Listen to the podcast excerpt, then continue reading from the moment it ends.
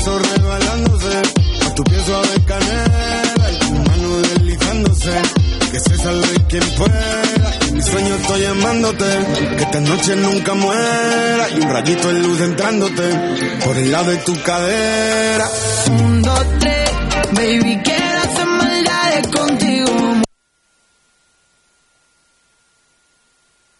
Són les 4, us parla Andrea Medina. Fem un cop d'ull al trànsit perquè diversos accidents compliquen aquesta hora la mobilitat a la xarxa viària catalana. Servei Català de Trànsit. Roger Serra, bona tarda. Hola, bona tarda. Continua la situació molt complicada, sobretot a la zona del Vallès.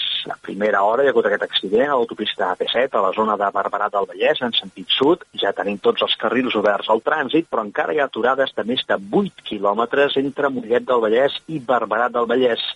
Això el tram central de l'AP7 i en sentit sud, anant cap al Papiol, en sentit Tarragona, diguem-ne. Però és que tot just ara, a la mateixa autopista AP7 i a Barberà del Vallès tenim un nou accident que talla carril. En aquest cas, en sentit nord, en sentit Girona, molta atenció perquè estem parlant de 15 quilòmetres de retencions entre el Papiol i Barberà del Vallès. 15 quilòmetres de cua, AP7, tronc central, com us dèiem, sentit nord, sentit Girona, a causa d'un nou accident. Tot plegat afecta a la B30, ara presentaria uns 3 quilòmetres de retencions entre Cerdanyola i Barberà en sentit nord. També afecta a la C-17, amb retencions de 4 quilòmetres des de Parets fins a Mollet del Vallès, direcció Barcelona. Tenim altres incidències. Un accident a l'autopista del Maresme, ja al tram de Badalona, C31, un carril tallat en sentit Barcelona, aturades d'un parell de quilòmetres, com us dèiem, a la C31 Badalona, direcció Barcelona. També hi ha cua important per enllaçar amb el nus de la Trinitat venint del Vallès, C33, amb retencions de més de 6 quilòmetres entre Montcada i Ressac i el nus de la Trinitat. I acabem, per exemple, amb un nou accident, en aquest cas a Girona, a l'autopista AP7 a Sarrià de Ter. Hi ha un carril tallat en direcció sud i retencions de dos quilòmetres. És tot des del servei català de trànsit. Català de trànsit. Quatre col·legis Quatre professionals, entre els quals hi ha el dels enginyers, reobren el debat del transvasament de l'Ebre i aposten per aquesta mesura per fer front a la sequera. Mentrestant, la xarxa per la conservació de la natura insta el govern a no reduir els cabals ecològics i aplicar altres mesures per pal·liar la sequera. En un comunicat, l'entitat alerta que els cabals ecològics són essencials i prioritaris per la biodiversitat dels rius i les conques. I més qüestions. Un atac informàtic afecta els clients a l'aplicació Aparcar, que serveix per pagar les zones d'estacionament regulat de Reus, Tarragona, Barcelona, Salou, Cambrils, Vilaseca, Valls i Montblanc. L'atac es va detectar dissabte passat a dues empreses municipals de l'Ajuntament de Reus i ràpidament es va activar el protocol de seguretat per minimitzar l'aplicació al sistema. Tot i així, Reus Mobilitat, de qui depèn l'aplicació, ha informat que la intrusió podria haver provocat el robatori de dades personals dels clients d'aquesta aplicació per mòbils. Fins aquí les notícies en xarxa. Notícies en xarxa.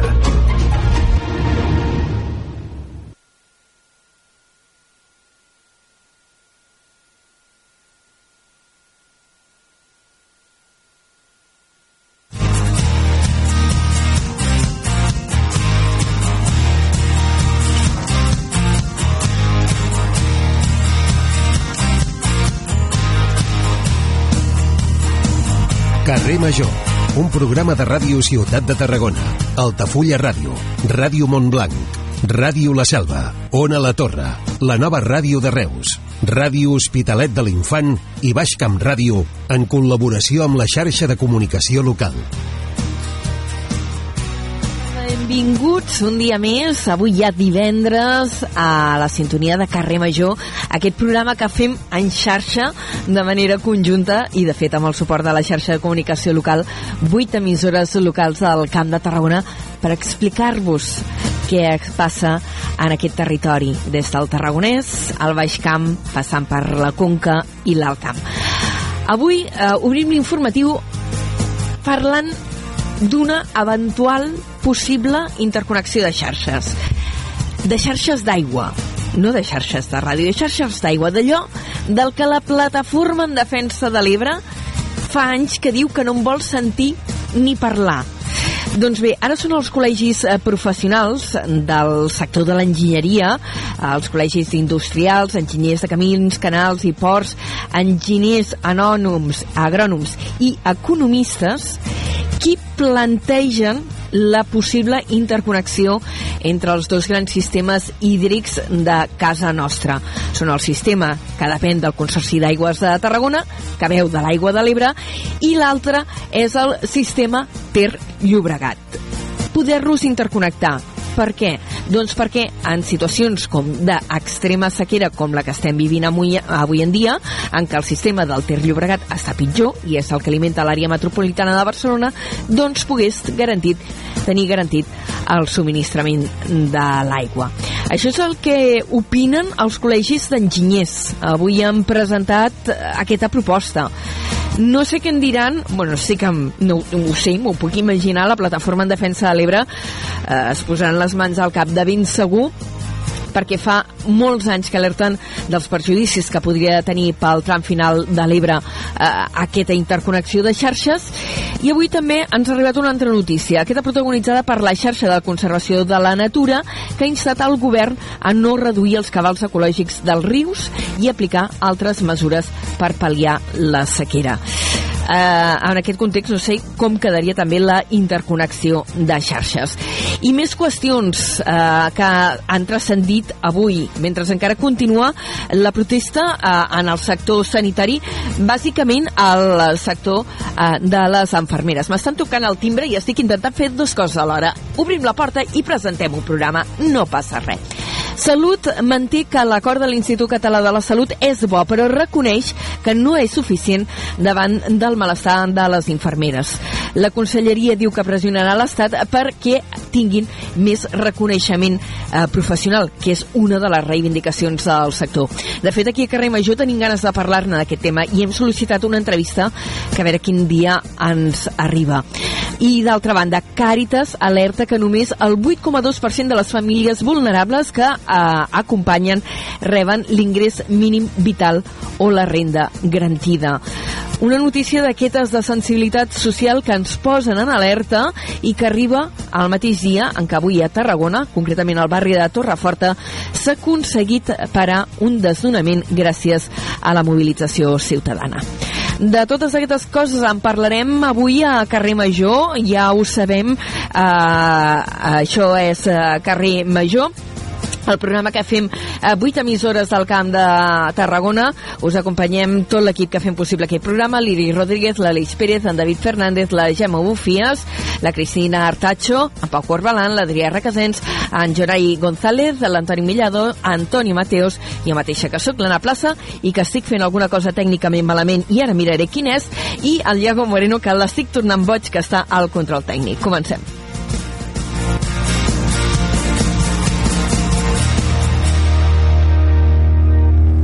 Carrer Major, Carrer Major, Plaza, Anna i Jonai González. I Jonai González.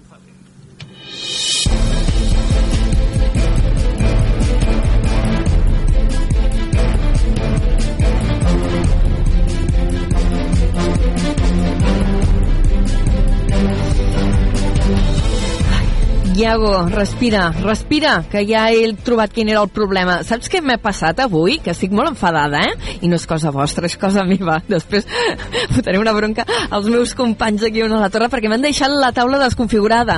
Estava dient, no rebo res, no rebo res. És que m'han desconfigurat la taula a un minut de l'informatiu, de, bueno, de l'informatiu no, de començar el programa, i no tenia la, la taula ben configurada i he fet desastres.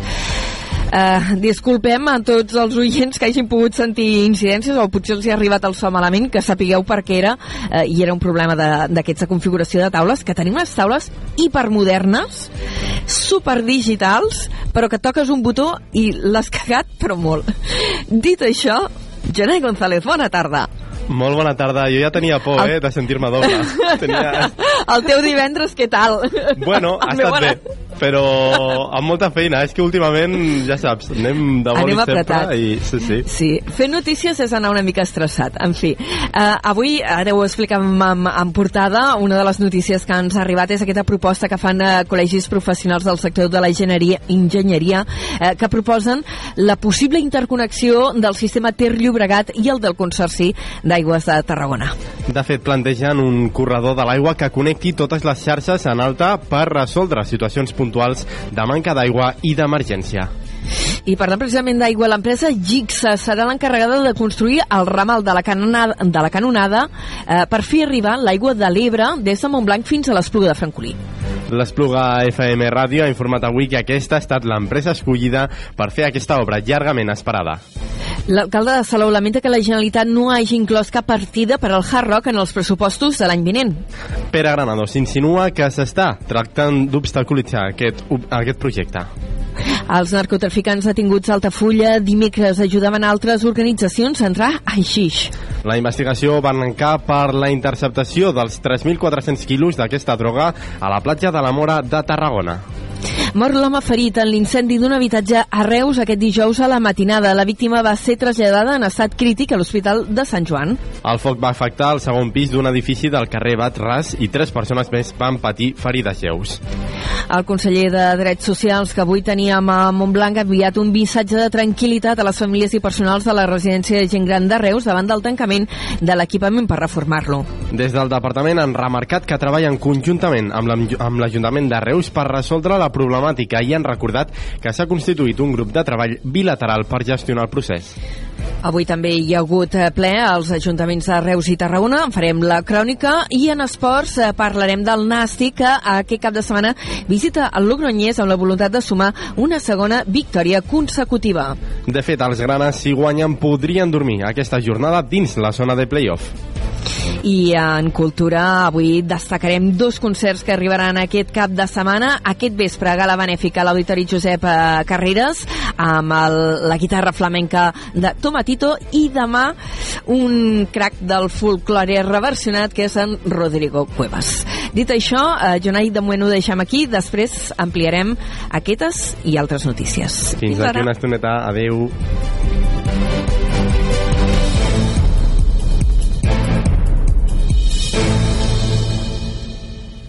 Carrer Major. Toni Mateos.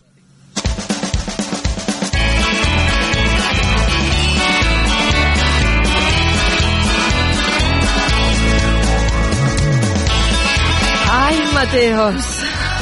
Ai, plaça. Que avui Ai. estava molt tranquil·la fins 3 minuts abans de començar el programa que han començat a patar coses i dius, deixeu-me en pau ja. Ai, coses que... Men, menys mal que és divendres. Ai, sí, això ho deia molt el, el, el, el pobre, pobre, pobre Edu Virgili perquè estava molt estressat. Sí, sí, sí. Sí, sí, per fi és divendres, i amb aquell toc ho deia. Sí, sí, per fi és divendres. Vinga. Una abraçada per l'Edu, una abraçada per l'Edu. Ai, mira, ahir vaig parlar amb ell.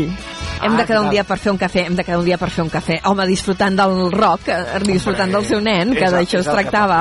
És el que toca, exacte, exacte, exacte. Jo demà disfrutaré de de què? Rodrigo Cuevas! Oh! Jo no, perquè estaré fent el poema a Nadal. Si no, també aniria a veure... Oh, és tan guai, aquest home. M'agrada molt... tant. Por el filo de una agulla se escapa una culebra. No tiene tanto veleno como tienes tú en la lengua. Ay, leré, leré, leré, ay, leré, leré, leré. Que me voy de romería, eh? Que me voy de romería. Ai, per favor. Demà al Festival Accents. I avui, avui el que toca és el Castell del Pavorde, els setens premis eh, Joan Marc Salvat de Periodisme Jove, aquí a la Selva del Camp, eh, amb premiats i, i alguna sorpresa. Alguna sorpresa. Tu ja no el guanyarem. No, ja lo de periodisme jove, tu jo... ja no. Periodisme, potser ens donen el premi a la carrera. Sí, no? això jo estic esperant ja. Velles glòries, vaig... no? Velles glòries. És que que faci un jo, especial. Mira, l'altre dia va fer un article meravellós l'Enric Garcia Jardí eh, anava a dir un decàleg però no, perquè són 50 punts és llarg, eh? però recomano mm -hmm. molt que llegiu el, el, el portal digital del FET de Tarragona que encara està actiu eh, parlant de l'estat de, de la professió periodística diu, és molt lamentable que quan vaig a una roda de premsa jo que tinc 30 anys ja sigui el més gran Ostres, però si té 30 anys que sigui el més gran és molt... Uh, bé, molt... això t'explica de la misèria d'aquesta professió. sí, sí, molt recomanable, eh? A més sé que ha tingut moltes republicacions i, i que ha tingut moltes lectures aquest article, però ajuda a entendre moltíssimes coses. Me'l llegiré, me'l llegiré i, i, i bé. Les Posa-t'hi en temps, eh, que és llarguet, això sí, eh, però és meravellós. Menjaràs crispetes, Mateos. Buscarem temps. Eh, avui no, perquè avui tenim avui no. un programa molt apretadet. Mira. Vinga, va. Guillem Cabré, director artístic del Camerata 21, de l'Orquestra Camerata 21, Ciutat de Reus, ens parlarà del projecte Cantem i altres iniciatives de l'orquestra. Trucarem a l'Isaac Alvesa, membre del Caprici de Mar de Jazz, per parlar-nos del cicle de concerts de Nadal i també parlarem una miqueta del, de, de l'accents. de l'accents que arriba a la seva ja tanca la seva desena edició. Els Tonis, avui us parlarem del segon arqueòleg més famós del món el primer podríem dir Indiana que Jones Exacte, el més del, del Carbonell i el segon és l'Indiana Jones. Home, no, jo crec que, crec sí, que fins i tot el del Carbonell et reconeixeria que és més famós Indiana Jones Indiana que ell, eh? Sí. Doncs parlarem d'Indiana Jones perquè avui s'estrena l'última pel·lícula a plataformes digitals. La banda sonora del Camp de Tarragona i la furgoneta que avui anirà sobre Nadal i un taller de decoracions sostenibles a la Biblioteca de les Coses de Tarragona. Molt bé. Doncs tot això serà a partir de les 5 de la tarda sí. i amb Antoni Mateos i companyia. Sí, Fins senyora, després. Fins Apa, després, company. Adéu, Adéu, besitos. Adéu. Cada tarda de dilluns a divendres fem parada a Carrer Major.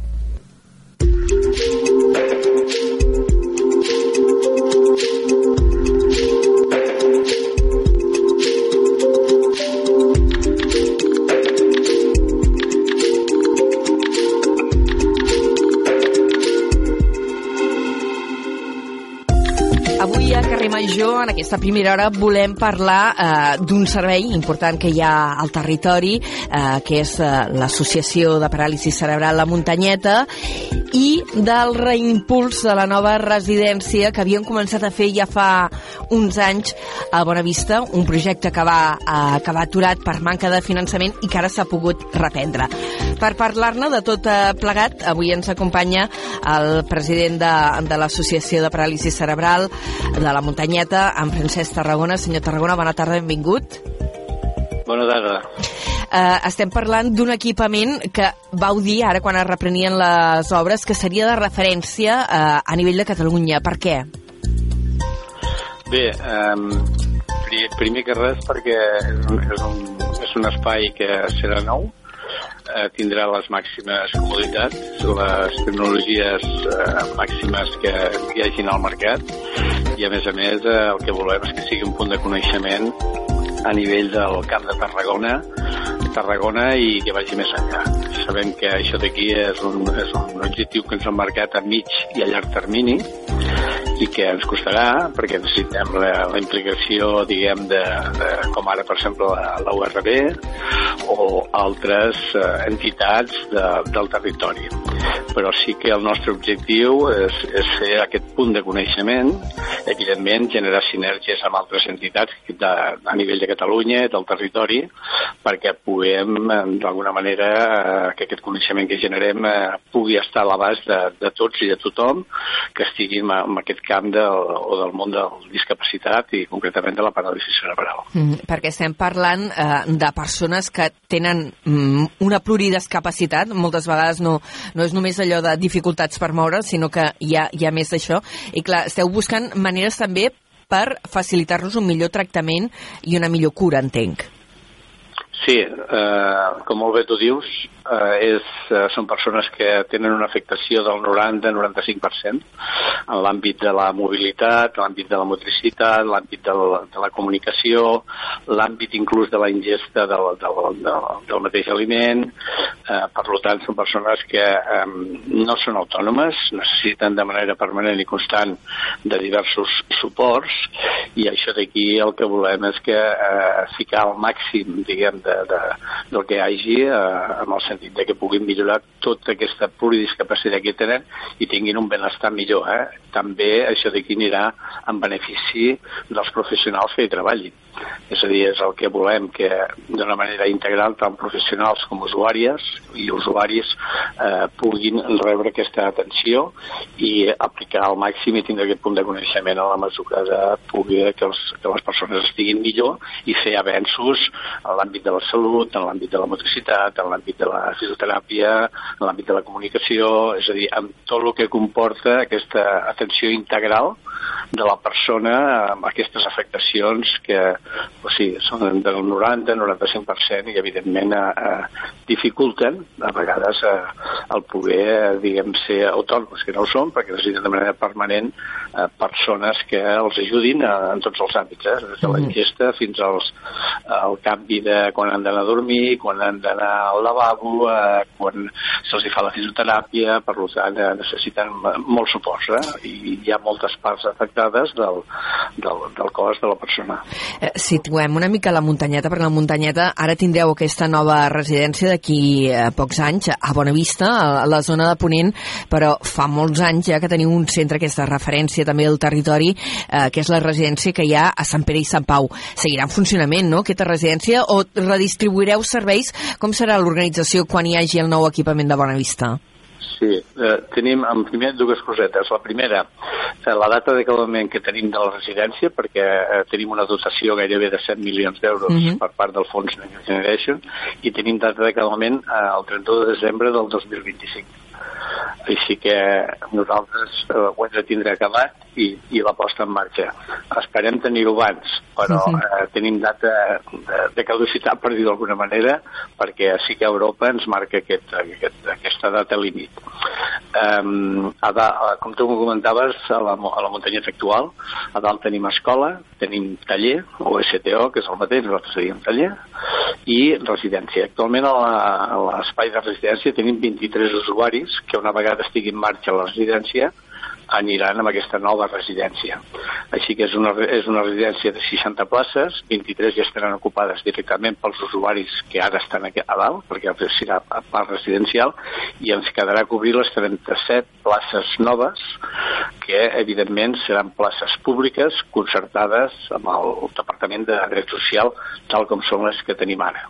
Eh, per tant, alliberarem un espai a dalt molt important, continuarà sent a dalt, hi haurà l'escola i el taller ocupacional, el servei de terapia ocupacional, que és el mateix, i eh, també eh, eh, iniciarem, aquest proper any, iniciarem obres en el taller ocupacional també amb una dotació de gairebé 2 milions d'euros per part del Next Generation, que ampliarem el taller, de, el taller que tenim, el farem molt més ampli, molt més lluminós, perquè tant els usuaris com els professionals que treballen puguin treballar molt millor i poder ampliar aquest espai de capacitat. L'escola actualment són de, tenim 50 places, les tenim totes cobertes, així que l'espai que ens quedarà amb l'alliberament dels usuaris que ha a la nova residència, eh, mirarem amb aquests dos anys a veure com l'utilitzem, a veure com ho fem, perquè per poder ampliar o a veure què és el que decidim fer juntament amb, la, evidentment, amb la, amb la part de gestió que porta la xarxa Tecla, que és la, la, la, nosaltres com a fundació estem sota el paraigües de la xarxa Tecla. L'associació de pares en el seu moment va decidir que fos la xarxa Tecla la que portés la gestió d'aquests tres àmbits uh mhm. -huh. i així ho està fent des de l'any 2020 eh, i així quedarà la, la distribució. És a dir, es, eh, procés natural escola, escola-taller i a partir del taller, quan aquestes persones evidentment ja no puguin, eh, automàticament aniran a la nova residència que estarà ubicada, com molt bé tu deies, a, a Bonavista. Però d'entrada sí que les 23 places passaran directament a la residència perquè eh, Bonavista és un espai residencial de 60 places. 37 estan per, per cobrir, i, però sabem que hi ha llista d'espera, i sí que, però seran places, places públiques, no privades, places públiques, amb, en concert amb el Departament de Drets Socials. Amb això s'obren moltes preguntes. Eh, clar, te, guanyarem eh, places de residència que estaran a, a Bonavista, guanyarem places sí. de taller ocupacional. Eh, està definit ja aquest projecte d'ampliació o hi esteu treballant ara del taller ocupacional? No, no, està, està, el projecte d'ampliació ja està definit. També tenim data d'acabament. El 2025, data d'acabament, vull dir que, eh, de fet, hem, hem fet el trasllat, el farem el trasllat, dels nois que ara estan al taller ocupacional, els hem de traslladar a un altre espai que hem habilitat on, on està el centre Estela, el taller Estela, sí a l'escola Estela d'Educació Especial, hi ha una part de taller, estaran allí, és a dir, amb el taller d'Estela, que l'hem habilitat un espai, això d'aquí sempre ho han fet de la mà del Departament de Drets Socials mentre es facin les obres d'ampliació del taller actual de la muntanyeta. Clar, perquè... La... Vegada... Anava a dir, a Bona Vista podeu fer obres perquè uh, la residència s'habilita a l'antic institut de, del barri, mm, és un edifici que estava buit, però clar, a la, a la muntanyeta Sant Pere i Sant Pau, uh, allí sí que hi ha activitat, no? O sigui, si heu de fer obres, heu de reorganitzar. Correcte, o sigui, els, els nois que tenim ara en el taller passaran a un espai de taller a la, a la, a la Estela, a la Fundació Estela, i mentre es facin les obres, una vegada estiguin acabades les obres, el que puguin durar un any i mig o dos, automàticament eh, tornaran a passar, diguem, a la seva part original, que és a la muntanyeta on estan ara ubicats. Però sí que ampliem el taller, ampliem, llavors mirarem aquest espai que ens allibera la residència d'aquestes 23 persones, on hi ha la residència actual, mirarem a veure eh, com ho plantegem, què és el que fem amb aquest nou espai. Eh? Mm -hmm. uh, ara ha dit també una paraula màgica, bueno, màgica no, però una, una paraula molt clau, que és el tema de les llistes d'espera. Clar, estem parlant, sí. ja ho hem dit, de gent amb una dependència molt alta, amb pluridiscapacitats. Um, com tenim la situació al territori? Bueno, al territori eh, hi ha pocs, eh, jo diria que molt pocs centres d'aquestes estadístiques, gairebé no n'hi ha, d'acord?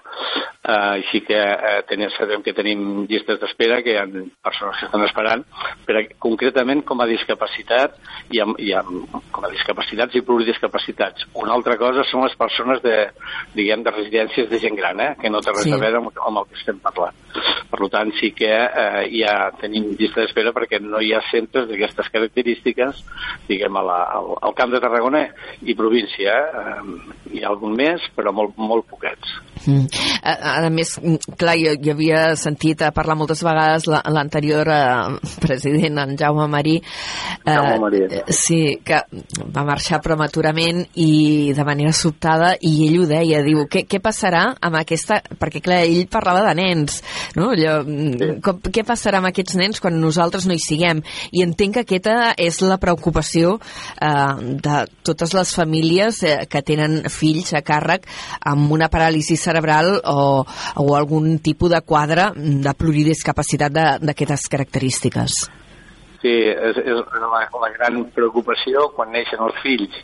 Eh, de fet, totes, la muntanyeta i altres entitats eh, d'aquestes característiques arreu de Catalunya, gairebé totes han seguit el mateix procés pares que en el seu moment, parlo de gairebé 40 anys, eh? 40 sí. anys que la muntanyeta i altres entitats, que l'escola no donava, diguem, atenció a aquestes persones, es reuneixen entre ells com a associació de pares, eh, creen l'escola, de l'escola els, els usuaris i usuaris es van fent grans, no? els fills i filles es van fent grans, i dius, bueno, ara toca el taller, doncs muntem el taller, i després del taller diuen, bueno, i ara què? Es van fent més grans no? nosaltres, els pares també preocupats perquè també es fan grans, que serà dels nostres fills, com el bé tu deies, i ostres, doncs, bueno, fem la residència, no?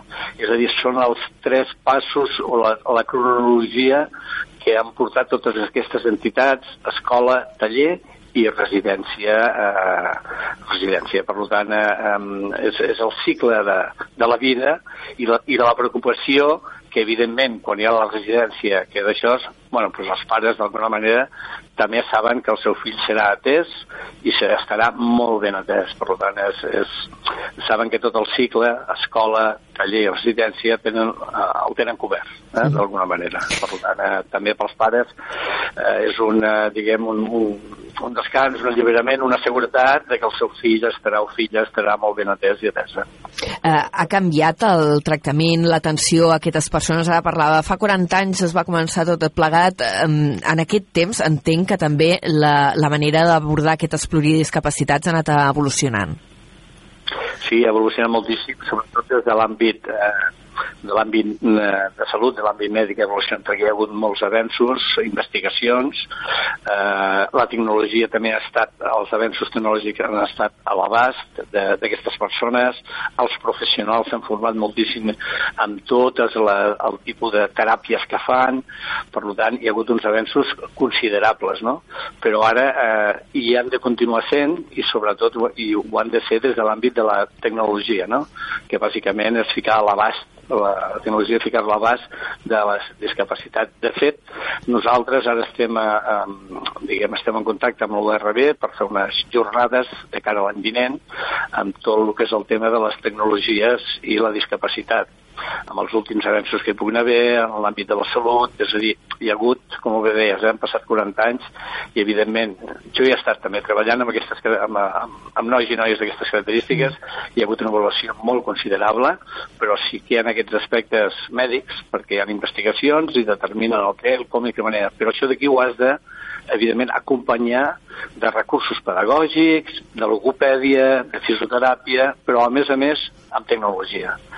És a dir, eh, nosaltres tenim aquí dalt, tenim un noi, per exemple, que bueno, hi ha un projecte a través de la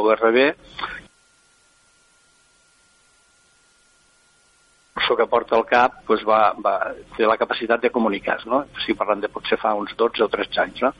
Vull dir, es tracta de ficar aquesta tecnologia amb tot el tema de la intel·ligència artificial, de ficar-la a l'abast dels professionals i per la millora del dia a dia d'aquestes persones que, evidentment, eh, com tu deies, no, tenen una polidiscapacitat en tots aquests àmbits de, de llenguatge, de, de l'àmbit de motricitat, de la ingesta, dels aliments. Vull dir, nosaltres aquí dalt eh, has de pensar que eh, a l'hora de, de dinar fem eh, eh, diferents tipus de tàpes, eh, uns triturats, els altres no tant, eh, bueno, diferents tipus amb ingestes diferents perquè eh, han d'ingerir de manera diferent, eh, si no tindríem problemes. Que, eh, però és, és buscar eh, tots aquests... És, és una, jo li parlo d'integrar-la en aquest sentit, eh, de buscar tots els àmbits i a veure quina és la, la punta de llança per, per, perquè ells estiguin, i els professionals també, eh, estiguin a, millor, tothom. Ara has esmentat un altre tema clau, que és el dels professionals, perquè estem parlant d'aquesta inversió de 7 milions d'euros eh, per fer la nova residència que, de la muntanyeta que estarà a bona vista, eh, però clar, més places equival també a més professionals i si amplieu el taller mm, ocupacional vol dir que també necessitareu més gent eh, per atendre'l? Uh, mm, tot això com es fa? Sí. Fa tres anys que esteu sota el paraigües de la xarxa Santa Tecla, no sé si això també us ha facilitat les coses. Bueno, eh, s'ha de dir, com a president, l'associació de pares, no, també eh, només un, un apunt, eh? l'associació de pares, ara és Fundació La Muntanyeta, l'associació de pares en el seu moment va decidir eh, amb assemblea que fos la xarxa tecla la que gestionés aquests tres àmbits, eh? vull dir que estem sota el paraigües. Totes les persones, per exemple, a l'escola, eh, hi ha concert amb educació, per tant, els professionals de l'escola els paga educació. El taller és drets socials i residència també és drets socials. Per tant, hi ha un concert econòmic amb residència, drets socials, amb taller ocupacional, drets socials, i amb ensenyament, amb els professionals de l'ensenyament. Actualment, a la muntanyeta ha, eh, tenim 100 persones eh, usuàries i treballen 80 professionals, entre tot, eh? No sí, profes, logopedes...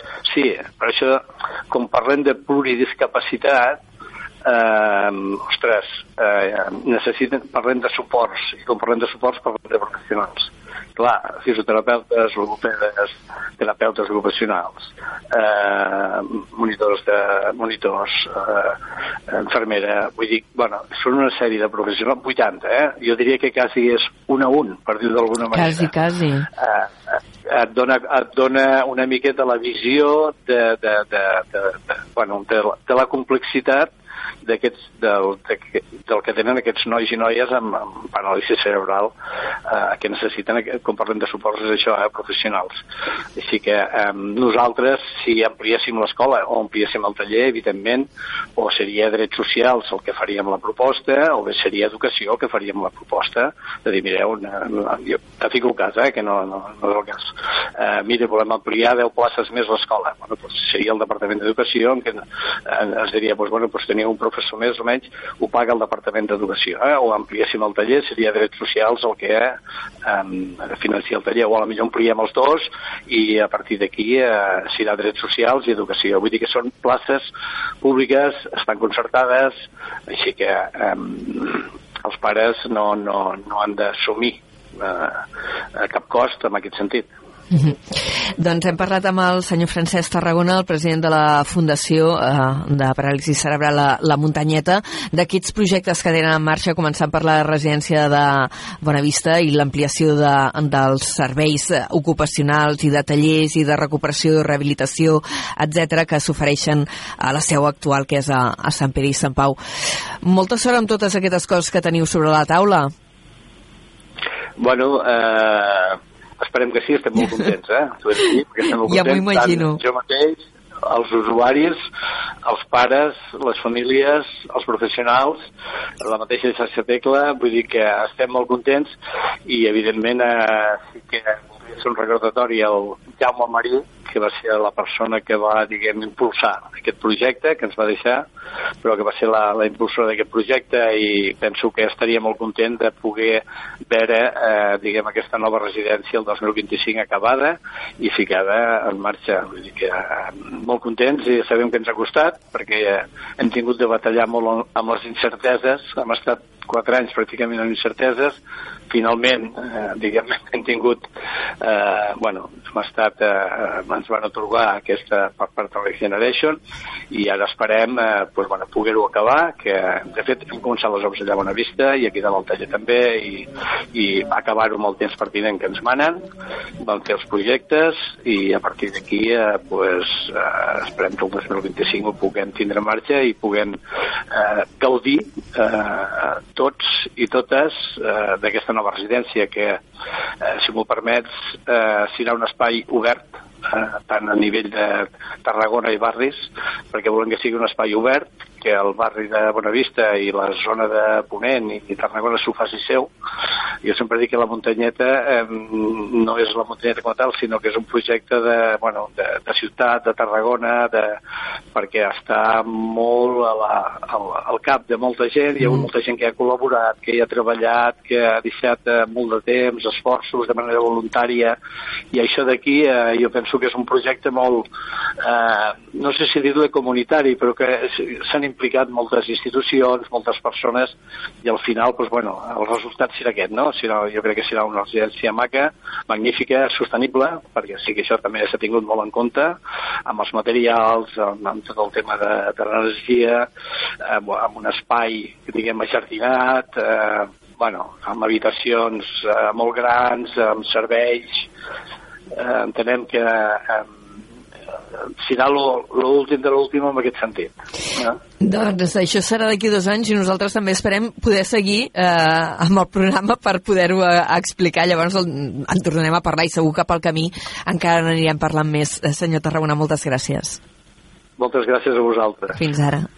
Carrer Major, al Camp de Tarragona, des de ben a prop.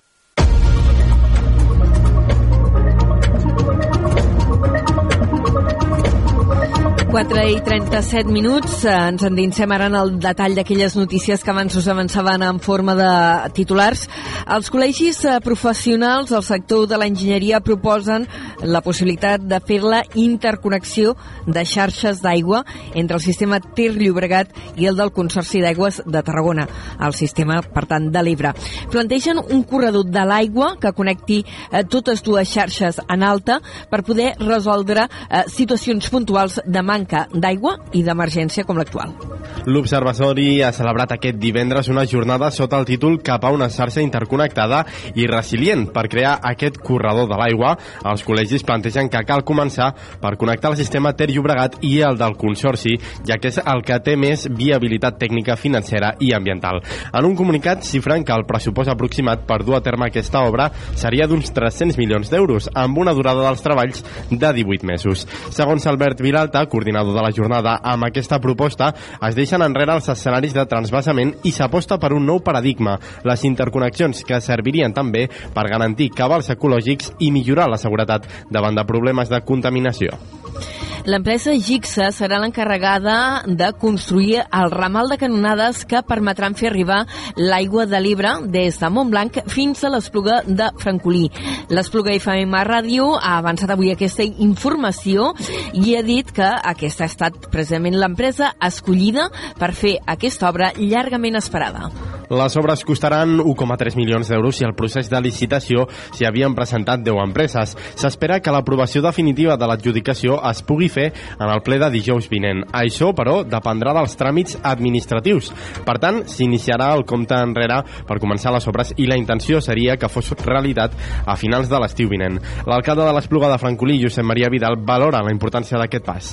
Estem molt contents i contentes perquè per fi doncs, eh, aquest projecte, que és, que és el projecte més important de la democràcia de l'Espluga doncs, pugui tirar endavant. Han sigut quatre anys de l'anterior mandat en què hem fet molta paperassa, molts tràmits perquè avui això sigui una realitat. És una molt bona notícia, no només per, per l'Ajuntament, sinó evidentment doncs, per tot el poble, perquè evidentment no és el mateix afrontar una sequera havent de transportar camions i havent de fer talls importants, eh, sinó que ara un, un cop estiguem connectats serà diferent perquè al final l'aigua la, vindrà directa. La canonada de 4 quilòmetres i mig es farà amb polietilè d'alta intensitat. Les obres comptaran amb finançament de l'Agència Catalana de l'Aigua i la Diputació. L'arribada de l'aigua de l'Ebre permetrà acabar amb els problemes d'abastament a l'Espluga, on fa més d'un any que s'estan aplicant restriccions d'aigua. El Hard Rock segueix escalfant les converses pels pressupostos en una nova reunió que hi ha hagut entre el govern i Comuns. El portaveu eh, d'en Comú Podem, de l'àrea d'Economia, Joan Carles Gallego, ha insistit que l'executiu ha incomplert part de l'acord per als comptes d'enguany. Durant la trobada, el portaveu d'Economia dels Comuns ha lamentat que el govern no tingui res millor a oferir als ciutadans del Camp de Tarragona en l'àmbit de la promoció econòmica i també ha denunciat que se segueixi apostant per, definir, per que se segueixi amb aquesta aposta que defineix com a caduca i precària. I la reacció sobre aquest tema, eh, sobre el hard rock, que també ens arriba des de Salou. Ara el seu alcalde, Piro Granados, lamenta que la Generalitat no hagi inclòs cap partida eh, per tirar endavant aquest macrocomplex en els pressupostos de l'any vinent. Pere Granados insinua que s'està obstaculitzant el projecte. En té més detalls l'Adrià Teia des de Ràdio Ciutat de Tarragona. L'alcalde de Salou, Pere Granados, s'ha mostrat contrari a l'anunci fet aquest dimecres per la consellera d'Economia i Hisenda de la Generalitat, Natàlia Mas, que va avançar que el pressupost d'aquest proper 2024 no inclourà cap partida destinada al projecte turístic Hard Rock, igual que els pressupostos d'aquest darrer any. Des del govern de Salou asseguren que aquestes declaracions els han decepcionat. Granados deixa clar que aquesta notícia no és positiva per Salou i per això ha volgut expressar la seva desaprovació i preocupació amb l'impacte d'aquesta decisió. Des de Salou lamentem que el govern de la Generalitat de Catalunya no tingui en compte un projecte que significa crear riquesa pel territori i també crear molts llocs de treball en els que hi hauria una desestacionalització important important perquè serien jocs de treball per treballar durant 365 eh, dies. I no només no el té en compte, sinó que fins i tot estem veient que el que l'únic que fa és posar entrebancs per tal que aquest projecte no vegi la llum. Ho lamentem des de Salou. La declaració de la consellera va ser feta durant una sessió de control al govern celebrada al Parlament de Catalunya aquesta mateixa setmana. Moltes gràcies, eh, Adrià, per aquesta notícia que ens arribava des de Salou. Eh, també hem de parlar ara en el capítol de fet divers que els narcotraficants ha tingut aquest dimecres a Altafulla ajudaven a altres organitzacions a entrar a Xix. La investigació va arrencar amb la intercepció de 3.400 quilos d'aquesta droga a la platja de la Mora de Tarragona. Els investigadors han descobert que la banda, més de traficar amb droga, ajudava altres organitzacions a introduir-la a la costa mediterrània. Segons els indicis recopilats, els detinguts, a més de dur a terme altres activitats relacionades amb el tràfic de drogues, també col·laboraven amb diverses organitzacions criminals proporcionant suport logístic per introduir aquestes grans quantitats d'eixis a l'Estat per mitjà d'embarcacions d'alta velocitat que transportaven la droga des del nord d'Àfrica fins a la costa mediterrània. Així mateix es va intervenir una pistola amb el número de sèrie esborrat Montserrat, perfectament municionada per ser utilitzada de manera immediata, una carrabina d'aire comprimit, un aparell de detecció de freqüències professional, un GPS, nombrós material informàtic i de telefonia i 13.000 euros en metàl·lic. I hem de lamentar la mort de l'home que va resultar ferit eh, crític ahir en un incendi en un habitatge a Reus de matinada. La víctima havia sigut traslladada, com dèiem, en estat crític a l'Hospital de Sant Joan. El foc va afectar el segon pis d'un edifici del carrer Batràs. Els bombers van aconseguir apagar-lo poc després de les 5 de la matinada. Tot i que les flames no van ser de gran intensitat, el sinistre va deixar molt de fum i va afectar l'escalat de l'immoble. La víctima va ser traslladada per efectius del Servei d'Emergències Mèdiques a l'Hospital Sant Joan de Reus, juntament amb tres persones més ferides lleus.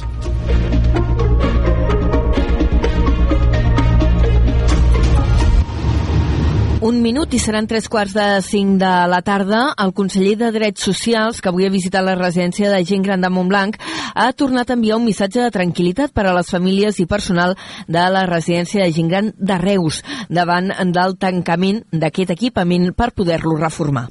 Carles Campuzano ha reiterat que les obres de remodelació que necessita l'edifici són incompatibles amb mantenir-hi l'activitat i diu que seria irresponsable no fer cas de l'informe tècnic que ha alertat el mal estat de l'estructura. Des del departament han remarcat que treballen conjuntament amb l'Ajuntament de Reus per resoldre la problemàtica i han recordat que s'ha constituït un grup de treball bilateral per gestionar el procés. Donar tranquil·litat a les famílies i tranquil·litat als treballadors. La residència necessitava una remodelació molt a fons fons, que és incompatible amb que les persones continuïn vivint en aquell espai i per tant el que s'ha de fer és reubicar aquestes eh, persones en altres espais eh, residencials, remodelar a l'espai i quan l'espai estigui remodelat les persones tornaran. I això s'ha de fer. El que seria irresponsable per part de la Generalitat és que tenir un informe tècnic que aconsella fer aquest plantejament no féssim un altre. I la Segons els responsables de la conselleria, encara no hi ha calendari per traslladar els usuaris cap a altres centres i han explicat que estan pendents d'iniciar el procés de negociació col·lectiva amb el sindicat. Respecte al tancament de la residència de les Borges del Camp, el conseller ha assegurat que s'han posat a disposició del consistori per ajudar-los, ja que el centre és de titularitat municipal. I en aquesta visita a Montblanc, el conseller de Drets Socials també ha anunciat que s'invertiran 6,1 milions d'euros en la renovació del material assistencial per a la gent gran i persones amb discapacitat. Concretament, s'han adquirit més de 5.500 llits, gues i, eh, i ajuts tècnics que es faran servir a les residències de la Generalitat. D'altra banda, Carles Campuzano ha denunciat l'infrafinançament de l'Estat i li ha reclamat que destini un 2% del PIB a l'atenció de la dependència en els pròxims anys. A Catalunya hi ha 12.000 persones en llista d'espera per aconseguir plaça en una residència. I davant d'aquest eh, possible tancament de l'única residència pública en actiu a Reus, usuaris de l'equipament s'han concentrat de nou aquest migdia per evitar-ne el tancament. Justament aquest dijous el Parlament ha aprovat instar al govern perquè s'accelerin les obres. Des de la nova ràdio de Reus ens ho explica en David Fernández. Usuaris de l'única residència pública de Reus, la del Passeig Feramata, al costat de familiars i treballadors, s'han concentrat de nou a les portes de l'Ajuntament de Reus coincidint amb la celebració del ple d'aquest mes de desembre. En total s'hi han trobat un centenar de persones amb una pancarta on s'hi llegia el lema no al tancament de les residències públiques. Els manifestants entenen que s'han de fer obres a l'edifici però no que es tanqui i per això reclamen que que la millora que s'ha de fer a l'equipament es faci per fases i sense haver de traslladar els usuaris. Precisament aquest divendres, el ple del Parlament ha instat el govern a assignar els pressupostos de 2024 a la rehabilitació de la residència i a accelerar l'execució del projecte i les obres en els terminis més breus possibles.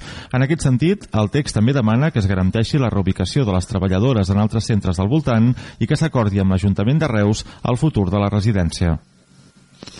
I d'altra banda, eh, també hem de parlar d'un altre tema d'interès social. A Tarragona avui s'ha aconseguit aturar el desnonament d'una dona i les seves filles a Torreforta gràcies a la mobilització ciutadana. La protesta ha plegat una vintena de persones convocades pel Sindicat d'Habitatge de Tarragona. Segons membres del sindicat, la comitiva judicial ha decidit ajornar el llançament davant la manca d'efectius policials i la presència dels manifestants. Ara donen quatre mesos a la Darifa i de les seves dues filles de 18 i 20 anys per trobar una solució.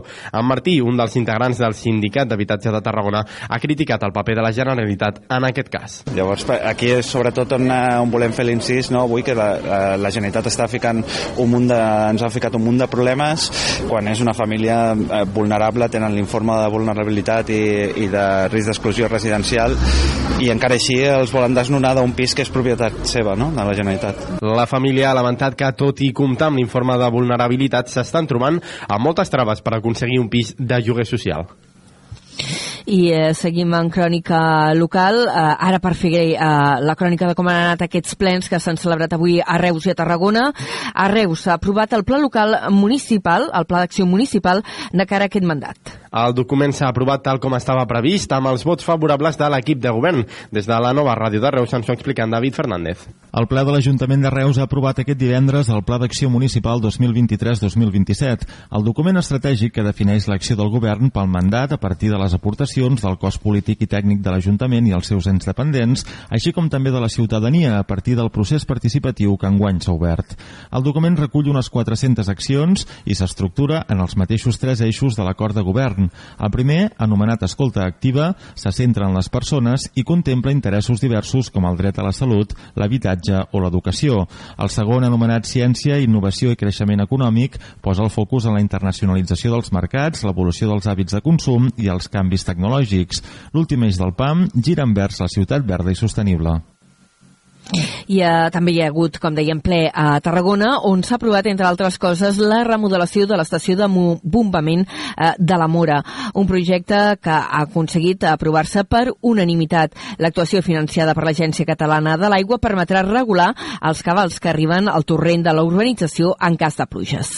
En el plenari d'avui també s'ha aprovat habilitar un espai a la platja del Miracle destinada als animals de companyia. La proposta del portaveu d'en Comú Podem, Jordi Collado, s'ha aprovat per unanimitat. D'altra banda, també ho ha fet per unanimitat la moció presentada per Junts per a la integració laboral de les persones amb discapacitat. El consistori ha rebutjat la moció del grup municipal Vox que buscava aturar la posada en funcionament de les zones de baixes emissions i el servei informàtic de Reus Transports i Reus Mobilitat i Servei es recuperen d'un ciberatac.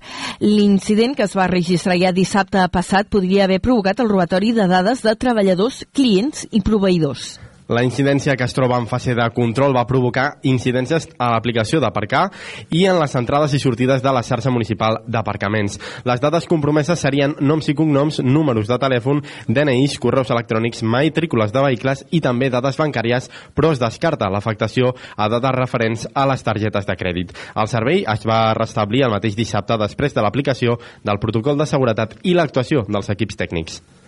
L'Ajuntament d'Altafulla convoca un Consell Escolar Municipal per tractar sobre l'ús dels mòbils en l'adolescència. La reunió també posarà sobre la taula la necessitat d'aprofundir en l'educació sexual dels menors, també relacionada amb aquests dispositius. Ens dona més detalls en Pau Corbalan des d'Altafulla Ràdio després de la proposta del govern espanyol perquè les diferents comunitats autònomes prohibeixin els mòbils a les escoles i centres de secundària, s'ha posat un nou focus en el debat sobre l'ús d'aquests dispositius en l'entorn educatiu. L'Ajuntament d'Altafulla s'hi ha volgut sumar. Per aquest motiu, l'àrea d'educació del consistori ha convocat per al pròxim dimecres 20 de desembre un Consell Escolar Municipal per tractar la qüestió. Es vol que els diferents centres educatius de la vila vagin tots a un amb l'objectiu de millorar aquesta convivència inevitable dels menors amb les pantalles. Ho ha anunciat en aquesta emissora la regidora de l'àrea, Eva Martínez. Convoco convoco a tots els consells escolars de tots els centres docents amb dos punts de l'ordre del dia. Un, el tema aquest de la plataforma Adolescència Lliure de Mòbils, on hem, ens hem adherit com a Ajuntament, i dos, doncs, eh, treballar de cara a la comunitat educativa també tot el tema de sexualitat a part de tractar la relació amb els mòbils, també es parlarà de salut sexual, ja que són temes que també preocupen a les famílies i és necessari fer pedagogia al respecte i parlarem, farem un apunt de patrimoni perquè la intervenció que s'està fent des de l'estiu passat a la Torre del Paratori de Tarragona està permetent reinterpretar diferents elements d'aquest monument. La gran bastida que s'ha col·locat ha permès fer un treball d'inspecció pedra a pedra i això també ha permès localitzar més marques de projectils de la guerra del francès de les que hi havia documentades. També han aparegut moltes marques de pica-pedrer, algunes amb significats ocults que ara s'estudiaran. Raquel Casals és cap de la secció d'arquitectura de l'Ajuntament de Tarragona.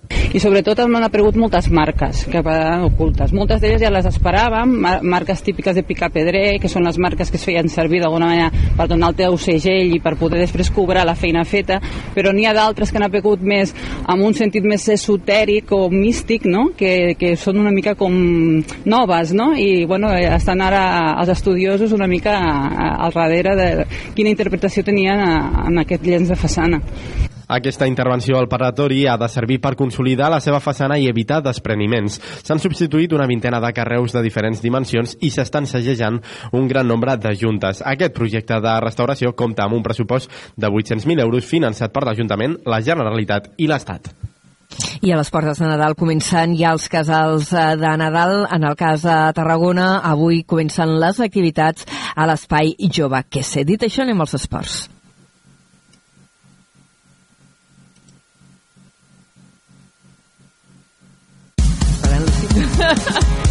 Ai, aquestes sintonies. Allò, li dones el play, li dones el play i no salta res. A vegades passa. En futbol, el Nàstic de Tarragona visita el Logroñés amb la voluntat de sumar una segona victòria consecutiva.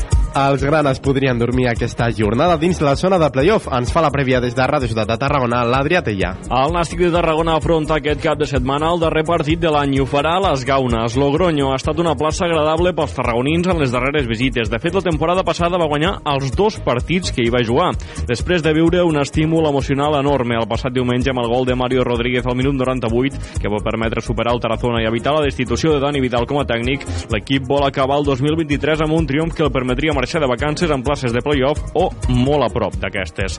El rival serà una Societat Deportiva Logroñés que està lluitant per allunyar-se de la part baixa de la taula. Els de la Rioja arriben d'obtenir una victòria important al camp del Terol, al CUE, i voldran rematar l'any amb una victòria com a locals per oblidar-se força de la zona de descens. El Nàstic tindrà les baixes ja conegudes de Marc Álvarez i Pol Domingo, a més del dubte de Gorka Santa Maria. El duel es disputarà aquest diumenge a les 12 del migdia a les Gaunes.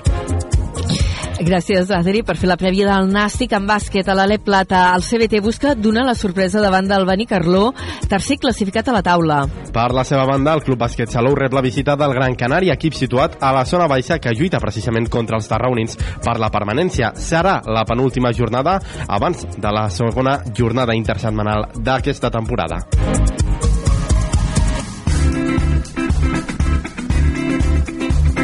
En cultura, avui parlem d'un dels grans noms del flamenc, el guitarrista Tomatito, que actuarà aquest vespre a l'Auditori Josep Carreras en la gala benèfica anual. Els fons recaptats es destinaran a la lluita contra la leucèmia. Ens ho amplia l'Adriaduc des de Ràdio Ciutat de Tarragona. L'Auditori Josep Carreras de Vilaseca acollirà la gala benèfica a favor de la Fundació Josep Carreras contra la leucèmia i ho farà el divendres 15 de desembre a les 8 del vespre. Aquest any, la gala, més flamenca que mai, comptarà amb l'actuació d'una de les figures més importants de la música flamenca, Tomatito, guitarrista de referència que va acompanyar durant molts anys el mític Camarón de la Isla. En aquesta gala vindrà a Vilaseca acompanyat de José el Tomate a la guitarra, Morenito de Illora i Kiki Cortiñas de cante i Israel Suárez Piranya a la percussió. Aquest concert extraordinari, que també rep la col·laboració de la Fundació La Caixa, té com a objectiu aconseguir recaptar el màxim de fons possibles per a la lluita contra la leucèmia. És per això que les entrades per al concert tenen un cost de 30 euros, que aniran destinats a la Fundació Josep Carreras.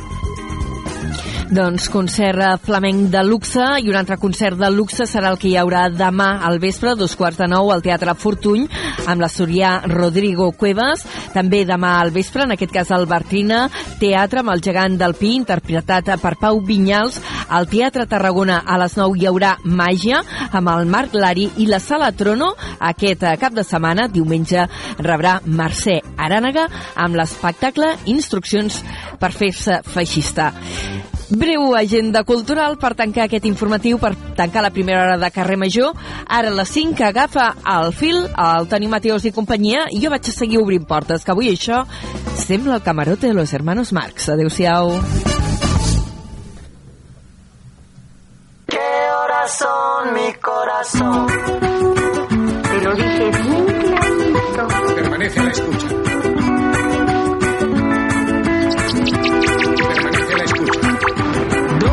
noche en La Habana, Cuba. 11 de la noche en San Salvador, El Salvador. 11 de la noche en Managua, Nicaragua. Me gustan los aviones, me gustas tú. Me gusta viajar, me gustas tú. Me gusta la mañana, me gustas tú. Me gusta el viento, me gustas tú. Me gusta soñar, me gustas tú. Me gusta la mar, me gustas tú. ¿Qué voy a hacer? Je ne sais pas. ¿Qué voy a hacer? Je ne sais plus. ¿Qué voy a hacer? Je suis perdu. ¿Qué horas son mi corazón? Me gusta la moto, me gustas tú. Me gusta correr, me gustas tú. Me gusta la lluvia, me gustas tú.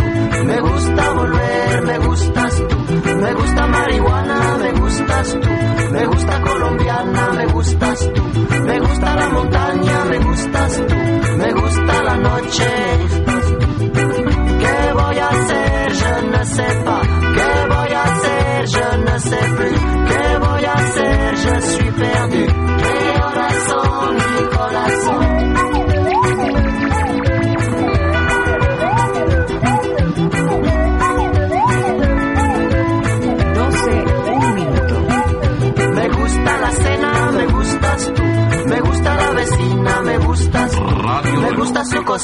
Me gustas de la mañana. Me gusta camelar, me gustas tú.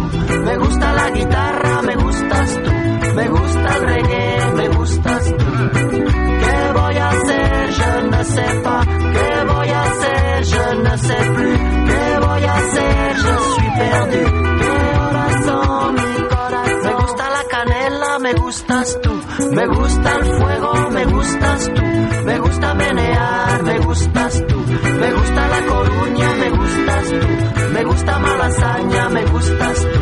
Me gusta la castaña, me gustas tú. Me gusta Guatemala, me gustas tú. ¿Qué voy a hacer? Je ne sais pas.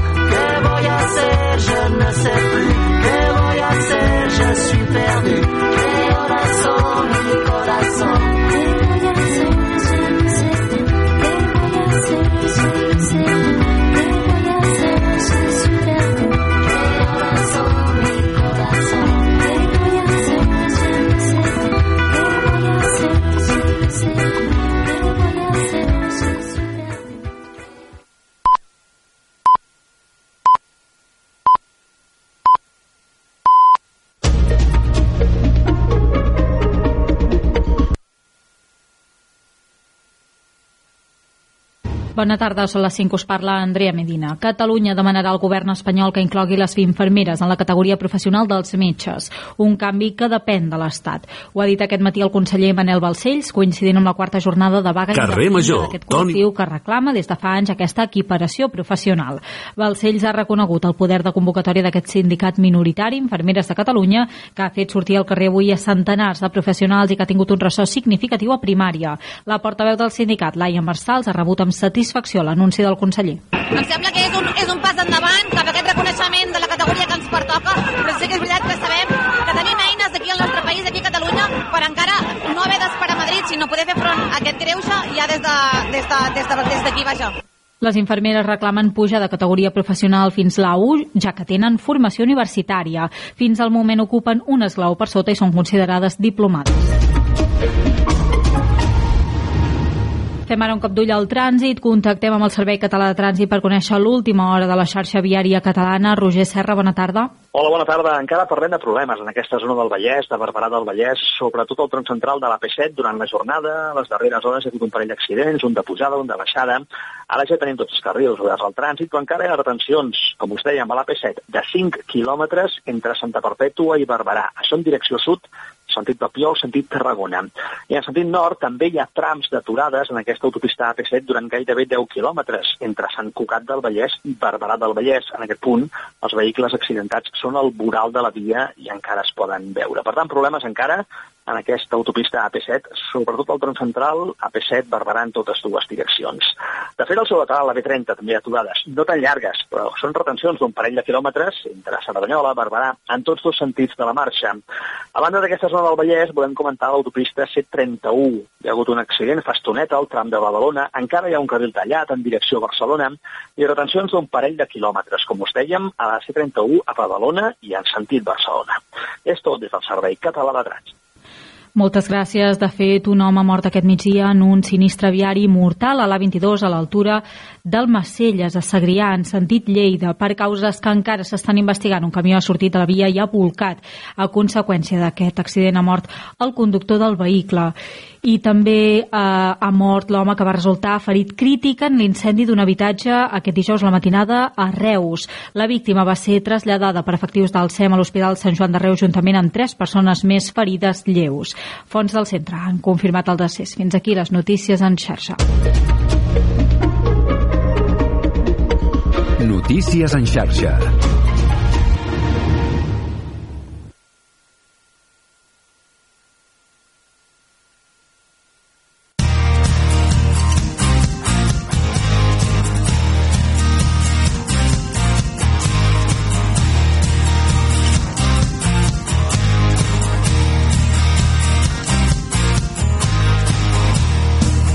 Carrer Major, Toni Mateos i Aleix Pérez. Hola, què tal? Les llegendes entorn de les pel·lícules de terror sempre han existit i, per sort o per desgràcia, sempre existiran. Qui no coneix la maledicció de Poltergeist? Amb diversos morts a l'elenc protagonista, el rodatge sobre un cementiri indi, o també l'exorcista, per exemple, amb accidents, morts, etc. I tot això es trobava a faltar alguna pel·lícula de la nostra època. Doncs bé, ja la tenim aquí. Antrum és la cinta que té l'orgull de definir-se com la més letal mai feta. Un rumor que va començar a circular per les xarxes socials que assegura que és perillós veure la pel·lícula. Sí, per les xarxes socials, ja que ha estat un autèntic fenomen i encara que es va estrenar l'any 2018, ha aconseguit ser tot un fenomen en aquests últims anys. La pel·lícula dirigida per David Amito i Michael Laitzini té una enigmàtica sinopsi. Escoltin, una parella demana al dimoni que ressusciti a la seva mascota. Fins aquí tot normal. Però diuen que la cinta és una cinta maleïda, feta a finals dels anys 70 i que ha estat amagada amb un calaix fins ara. Els tràilers i els cartells promocionals anuncien que la pel·lícula és responsable de la mort de més de 60 persones mentre la veien. I fins i tot hi ha una nota legal que avisa que si l'espectador l'espectador de la pel·lícula mor veient la cinta, no és responsabilitat de l'equip. Home, bona campanya de màrqueting, això ja ho conec jo, quan ho feien amb Holo- Holocausto Caníbal, o la del, del projecte de la bruja de Blair. La, la cosa ha funcionat a la perfecció i molts usuaris han sentit atrets per aquesta pel·lícula. Si vostès s'atreveixen a veure-la, Antrum, la guàrdia del demonio, es troba a Prime Video. Jo, com a bon amant del terror i també de superar reptes, la miraré aquest cap de setmana. Aleix, estigues atent per si dilluns no torno, eh? No, no està atent. No està ni avui atent, l'Aleix. Ai, Ja saps com això que anava a dir, Toni, que, és que se era, era una prova veure si la, la bruixa Ah. se m'havien portat. Però no, ja saps que si el dilluns no tornes, ja saps com obriré el programa, no?, a la segona hora, perquè perquè déu nhi jo sí que soc, soc bastant cagat i no m'agraden tant les pel·lis de por. El que sí que he fet alguna vegada i et recomano és els videojocs, alguns videojocs de por n'hi ha alguns que jo he passat una mica malament eh? recordo Outlast en el seu moment també inclús en algun Resident Evil sobretot al principi jo que no saps ben bé què està passant. Els videojocs de por també són una, són una experiència bastant, bastant interessant. Last of Us, què tal? The Last of Us és xulíssim o sigui, però, o sigui, fa una mica de por però una vegada jugues les primeres 3-4 hores comences a saber ja una mica el truco i ja no fan tanta por els zombis. Jo vaig jugar, he jugat al primer, el segon no, encara no, no hi he jugat però em va encantar. Doncs mira, ja és un dels millors jocs que he jugat jo crec. si dilluns no torno és o perquè m'he mort amb la pel·lícula aquesta d'Antrum o m'ha tocat la primitiva, que també podria ser. jo crec que pel, contingut la primera No, jo crec que pel contingut eh, me quedo amb la segona, amb la que em toqui la primitiva. Som Ràdio Ciutat de Tarragona, la nova ràdio de Reus, Altafulla Ràdio, Ona la Torre, Ràdio Montblanc, Ràdio Hospitalet de l'Infant, B Baix Camp Ràdio i Ràdio La Selva del Camp. Tranquils, que si ens escolten no els hi passarà res, tranquils, eh? Tot el contrari, seran dues hores d'entreteniment de quilòmetre zero a la seva ràdio local. I a més a més, en Diego Moreno, el nostre tècnic, ens protegeix de tot tipus de conjurs. Benvinguts a Carrer Major.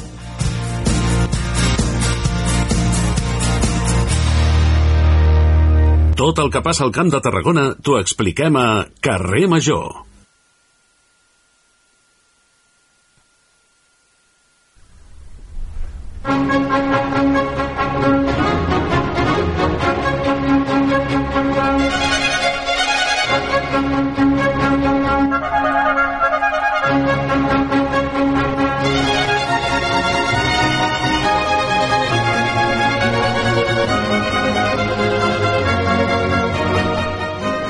Dies l'Orquestra Camerata 21 Ciutat de Reus va presentar el projecte Cantem, un concert participatiu amb l'objectiu de promoure el cant coral al Camp de Tarragona. Ja porten molts dies assajant per oferir, de cara a les festes nadalenques, tres concerts corals amb les veus dels més joves del territori. Per parlar de tot això i de més coses tenim a l'altre costat de la videotrucada a Guillem Cabré, director artístic de Camerata 21 i al qual saludem. Senyor Cabré, molt bona tarda. Bona tarda, com anem? Molt bé, que sàpiga una cosa, senyor Cabré. Vostè li va vendre el primer violí al nostre tècnic. en sèrio? En sèrio? Sí, sí, sí. sí. El, Iago, el Iago Moreno. Eh, no, no em consta, però perfecte. A banda d'aquesta petita anècdota, amb quin objectiu neix eh, Cantem, senyor Cabré?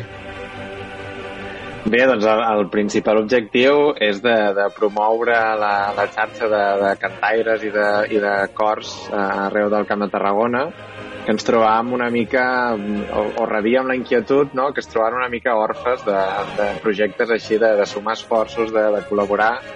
Eh, hi havia programes que havien funcionat molt bé a Barcelona, amb, amb grans concerts a l'Auditori, al Palau, Eh, però doncs, es trobava aquesta gent que, que o bé havien d'anar a Barcelona o bé, si no, doncs, doncs bueno, feien el seu funcionament ordinari amb, amb els seus cors, que, que no té res de, de dolent, ni molt menys, però no, no hi havia l'oportunitat de fer un programa, un programa més gran, amb orquestra sinfònica, amb un cor amb més de 100 veus, i doncs des de Camerata 21 vam, vam recollir aquesta inquietud i, i hem muntat doncs, una de ben grossa que esperem que no sigui la primera vegada i que tingui un bon recorregut. Diu que se l'ha muntat una de ben grossa, o sigui que han respost molt bé amb aquesta crida de Camerata 21, no? Doncs sí, sí, hem arribat a, a 125 cantaires que s'han inscrit, que si li sumem els, els 30 i pico de, del Cor Ciutat de Tarragona, doncs estarem, estarem per sobre de, dels 150 cantaires. Sí, perquè déu nhi i, i a més també una mica com, com van els assajos? Eh, els cantaires havien estudiat abans una mica amb grups, una mica el que cantaven o heu fet un intensiu mm -hmm. aquests últims dies? Entenc que és complicat també construir una obra d'aquesta magnitud. És, té, té, té la seva història. Sí, el, el, el cor participatiu porta assajant des de setembre, des de finals de setembre, cada 15 dies s'ha fet una, un, un assaig amb, amb, amb, tot aquest, amb tots aquests cantaires que s'han apuntat, que això ho ha coordinat des de, des de l'Escola de Música del Centre de Lectura de Reus, que justament celebraven el, els 40 anys, el 40 aniversari, eh, i els hi van proposar de, de sumar-se a aquesta iniciativa, d'unir esforços, i, i fer que aquesta celebració de l'escola doncs, també fos extensiva al, al projecte. I la progressió realment ha sigut, ha sigut espectacular des de, doncs perquè, clar, en aquest cor hi ha des dels que mm, pràcticament no llegeixen partitura i ho fan tot d'oïda, a, a gent que porta cantant doncs, potser 40 anys a, a, en un cor. I, i la combinació, doncs, que ha sigut tant intergeneracional com de rerefons molt diferents, eh, la veritat és que, que ha creat un, un col·lectiu que, que, ha fet, que ha fet molta pinya, s'han generat eh, doncs, grups eh, interns que, que, que sempre fa, fa il·lusió. I, i doncs que estem convençuts que, que, que és només el principi, que, que aquesta, aquesta força que s'ha unit, que s'ha creat, doncs ha, ha generat moltes ganes de, de seguir tirant endavant. Uh -huh com ha dit vostè, més de 100 cantaires, eh, que tots vagin a una, i a més a més, eh, amb un programa que té el, el Glòria de Vivaldi que sonava al principi del programa, déu nhi duret, no? Exacte. Sí, sí, és una obra eh, potser de les més, més representades, més interpretades en, en aquestes dates de Nadal, eh, però el fet és que musicalment és una obra espectacular, no? té, té una força que, que fa vibrar a qui l'escolta, fa vibrar a qui la canta. Eh, jo personalment que, que l'he tocat i l'he cantat ja en diverses ocasions i no, no me'n canso. O sigui, és una obra intemporal pràcticament que, que segueix tenint la força que va tenir quan es va escriure i, i que per molts anys sí. Uh -huh. Han respost els cantaires, però també han respost altres entitats del, del Camp de Tarragona, eh, senyor Cabré? Sí, sen, sens dubte. Clar, era una mica la, la nostra mm, por, potser abans, al, al començar amb la proposta, no? nosaltres teníem aquesta inquietud, no sabíem si, si els cantaines res, respondrien i van respondre molt i molt bé i no sabríem, no sabíem si això tindria interès eh, per, per tenir sortida, no? I el fet és que el fet que puguem fer tres concerts doncs és molt representatiu d'aquesta bona rebuda. Eh, tant el Teatre Bertrina eh, a Reus, com al Teatre Tarragona, eh, s'hi van, van apuntar immediatament i des de, des de Valls amb l'associació Amics de la Música de Valls, que ja havien fet un format participatiu una miqueta més, més petit, ja que en lloc d'orquestra es va fer a Morga, però bueno, es va fer tot el Masies de Händel, que també déu nhi eh, eh, i els amics de la música de Valls doncs, van dir, per descomptat, una iniciativa com aquesta ens la fem nostra, també la programem i, i fruit d'això doncs, eh, també s'hi ha sumat després la, la FASEC, la Federació d'Entitats Corals de, de Catalunya, i hem tingut també el patrocini de, de Memora, que, que per tant tot plegat doncs, doncs ha fet que, que això s'assumi els suports que ja tenim de forma estructural de l'Ajuntament de Reus, la Diputació de Tarragona i, i el DISEC, i que per tant doncs, bueno, ha sigut, ha sigut una, una garantia i una solidesa que ha permès doncs, que, que aquest projecte eh, neixi triomfant. I ja no només el, els concerts i la gent que hi participa, sinó també la gent que hi farà cap, no? Escoltar-hi quina importància té doncs, tenir un projecte tan únic al territori també que la gent tingui doncs, a, al seu abast una proposta tan atractiva com aquesta. Clar, això va molt en la línia del que, de l'aposta la, que hem fet des de Camerata 21, que la cultura ha de ser ha de ser accessible, ha de ser participativa i ha de ser inclusiva. I, i per tant, un format així que pensem, per un costat estem, estem obrint els escenaris a, a tot un moviment de, de cantaires que són amants de la música però no tenen per què ser ni músics professionals ni molt menys, simplement gaudir fent música. Llavors estem posant els escenaris al, al seu servei, que, que això ja, ja marca, ja marca un, una intenció.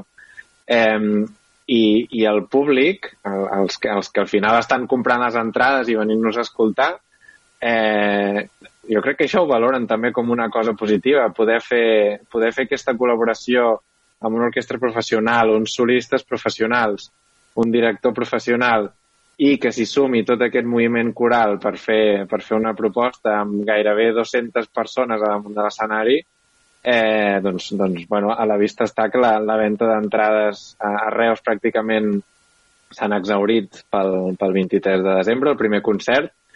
A Tarragona el, el 29 eh, encara en queden algunes, però, però també va a bon ritme.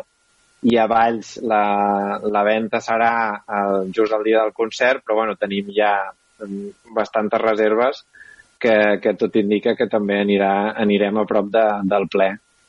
Per tant, la resposta del, del públic és, és clarament molt positiva i, i, i estem convençuts que, que estaran igual d'entusiasmats que nosaltres hem estat preparant aquest projecte. 23 Reus, 29 Tarragona i a Valls, quin dia?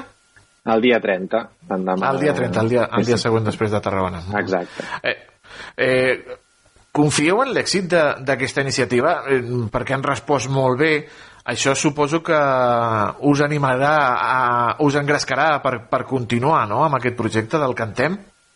Absolutament. El, a més, un, un dels, una de les coses que, que a mi personalment m'ha fet més il·lusió ha sigut que, que realment tot el Camp de Tarragona s'hi ha implicat, tant a nivell administratiu, no? tenim dos teatres municipals que han apostat pel projecte, Eh, a Valls tenim l'Associació la, la, d'Amics de la Música, que és veritat que, que és una entitat privada, però que, que rep el suport també de, de l'Ajuntament de Valls. L'Ajuntament de Valls ens ha cedit espais per poder assajar. Eh, per tant, tenim tot el suport d'aquestes administracions i a la vegada doncs, hem rebut també molt d'entusiasme per cantaires de, de molts municipis diferents. L'altre dia crec que comptava no sé si eren 20 i pico eh, localitats diferents de, de procedència dels cantaires. Per tant, la, la superfície que hem cobert és, és realment gran i, i la inquietud que s'ha despertat jo crec que és fàcil que aquest territori es pugui seguir ampliant, que hi hagi altres municipis que s'hi sumin i que el repertori sinfònico-coral és molt extens, que, que podem, podem fer moltes obres diferents de, en els propers anys i segur que això serà, seguirà sent enriquidor per, per tothom qui s'hi apunti. Clar, perquè estem parlant d'uns valors no, intrínsecs també en la música i en eh, aquesta unió de coral i orquestra sinfònica. També quins valors representa i ajuda a, a perpetrar també aquesta mena de, de, de concerts?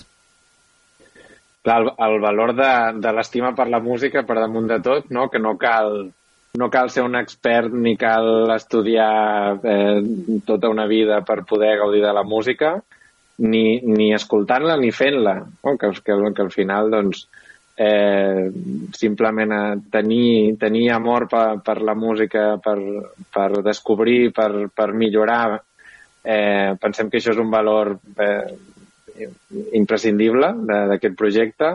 A la vegada estem eh, promovent el treball en equip, no? que cadascú posa el seu granet de sorra per, per un resultat comú eh, i, i per últim, sobretot doncs, no, no, no deixa de ser el fet de, de, de, de trobar-nos o sigui, amb un compromís, amb, amb l'esforç eh, compartit que, que fa doncs, que, el, que el resultat hagi, hagi, de ser, hagi de ser magnífic en, en tots els sentits. De l'Orquestra Camerata 21 n'hem parlat molts cops. És una orquestra que va néixer a principis dels, dels anys 90, si no m'equivoco. Mm -hmm, correcte. L'Aleix sí. no havia ni nascut. Eh, però anem a parlar de la, de la Fundació Camerata 21, que molts eh, no la coneixen. En què consisteix aquesta Fundació Camerata 21? La, funda la Fundació neix l'any 2020, 2002 perdó, eh, com una continuació de, de l'associació Camerata 21 que havia, que havia acollit l'inici d'aquest projecte. Llavors, clar, la Fundació, quan, quan es veu que el projecte està adquirint l'envergadura que, que, que s'havia assolit aleshores doncs, amb, un, amb un programa eh, formatiu, amb unes colònies d'estiu dedicades als nois i noies de, de 7 a 17 anys. Eh, hi havia tot un seguit de projectes repartits arreu del territori, també s'estava treballant en programes educatius. Llavors, amb una estructura tan complexa, doncs es va, es va decidir constituir aquesta fundació per, per donar cabuda a totes aquestes línies de treball, per poder recopilar suports públics i privats i, i com una manera de, de donar la solidesa que, que el projecte es mereixia i, i així garantir que es podien assolir els objectius que s'havien marcat, poder, poder arribar arreu del territori i poder desenvolupar una activitat eh, cultural, social i educativa a, a, a, allà on poguéssim arribar. I a més també, ja pensant una mica en el context de Camp de Tarragona, no? hi, ha el, hi ha molts conservatoris, hi ha auditoris com el Josep Carreras de Vilaseca, hi ha el, també Tarragona, es fa molt bona feina. En quin estat es troba també la, la, la formació musical aquí al Camp de Tarragona i també que, que es veu representat no? en la gran quantitat de músics de primer nivell que acaben doncs, tenint mm -hmm. sortida? Eh, sí, això és cert que, que potser hi va haver una època que, que semblava que, que si no passaves per Barcelona eh, volia dir que, que no tenies sortida o que no tenies recorregut, però, però és veritat que la reivindicació que s'ha fet a nivell territorial, no? amb, amb quatre conservatoris, eh, cadascun d'ells molt potents en, en, en instruments concrets no? o, en, o en àmbits concrets, però tant Vilaseca com Tortosa, com Reus, com, com Tarragona han tret, han tret eh, músics de, de primera línia i, i això nosaltres ho veiem personalment, eh, veiem el, el procés amb, amb alguns nois i noies que venen de colònies durant molts anys, no? que veiem com, com es van desenvolupant any rere any, i ho veiem ara també doncs, que servim com, com punt d'acollida als, als joves músics que estan ara acabant el, els estudis superiors o que estan estudiant màsters a, a fora a, per Europa, doncs ara veiem que estan tornant aquí amb, amb, amb un nivell molt alt, amb moltes ganes de fer coses i, i sens dubte volem reivindicar que Camerata 21 ha de ser ha de poder acollir tot aquest talent local que, que s'ha format fora per, per poder tornar. Però sens dubte això no tindria, no tindria sentit, no tindria continuïtat si no hi hagués una bona base, que la, que la base hi és i, i, i bona.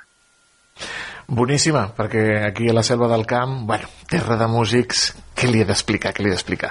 Guillem Cabré, director artístic de Camerata 21. Moltíssimes gràcies per acompanyar-nos eh, aquesta tarda aquí al carrer Major i que vagin molt i molt bé aquests dies de El Cantem, que estarem ben atents des de la ràdio. Moltes gràcies, doncs ens, ens veiem en una d'aquestes tres dates. Que vagi molt bé, gràcies. Perfecte, adéu.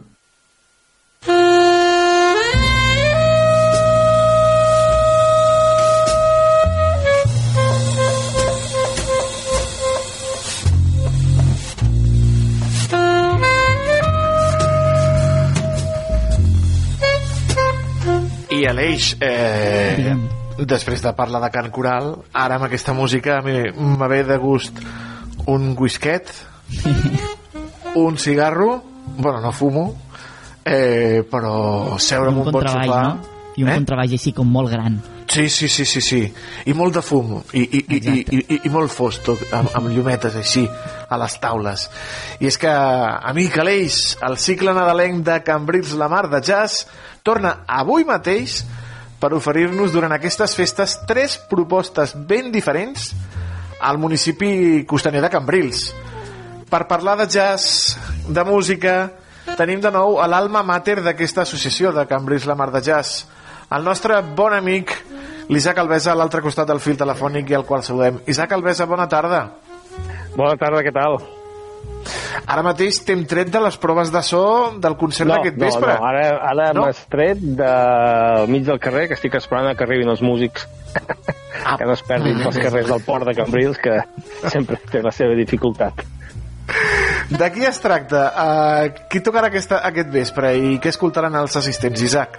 Doncs aquesta nit comencem aquest cicle de Nadal amb un grup internacional. En guany tenim tres grups, un d'ells és internacional i els altres dos són catalans, que és el Benjamin Herman Trio, que és un músic eh, dels Països Baixos, holandès, abans se'n deia holandès, ara se'n diu dels Països Baixos, aquestes coses que passa de canviar de noms als països, i doncs, ell ve en trio, ell toca el saxo i canta, estàndards de jazz i composicions pròpies, és un músic que si busqueu per internet a la seva web o vídeos és un músic que porta molts anys de, de trajectòria. A Europa doncs, té un nom important en molts festivals. I ara doncs, està aquí a Catalunya fa una minigira catalana des de dijous, des d'ahir que va actuar al January a Barcelona, avui actua a Cambrils i demà ho fa a Granollers i a Vic a Granollers, no, perdona, a Vic i a, i a Olot, crec, i doncs bé, aquest vespre a dos quarts de nou el tenim al Teatre de la Teca de Cambrils, sense whisky, perquè és un teatre i no es pot veure, i sense fum, perquè no es pot fumar, tampoc.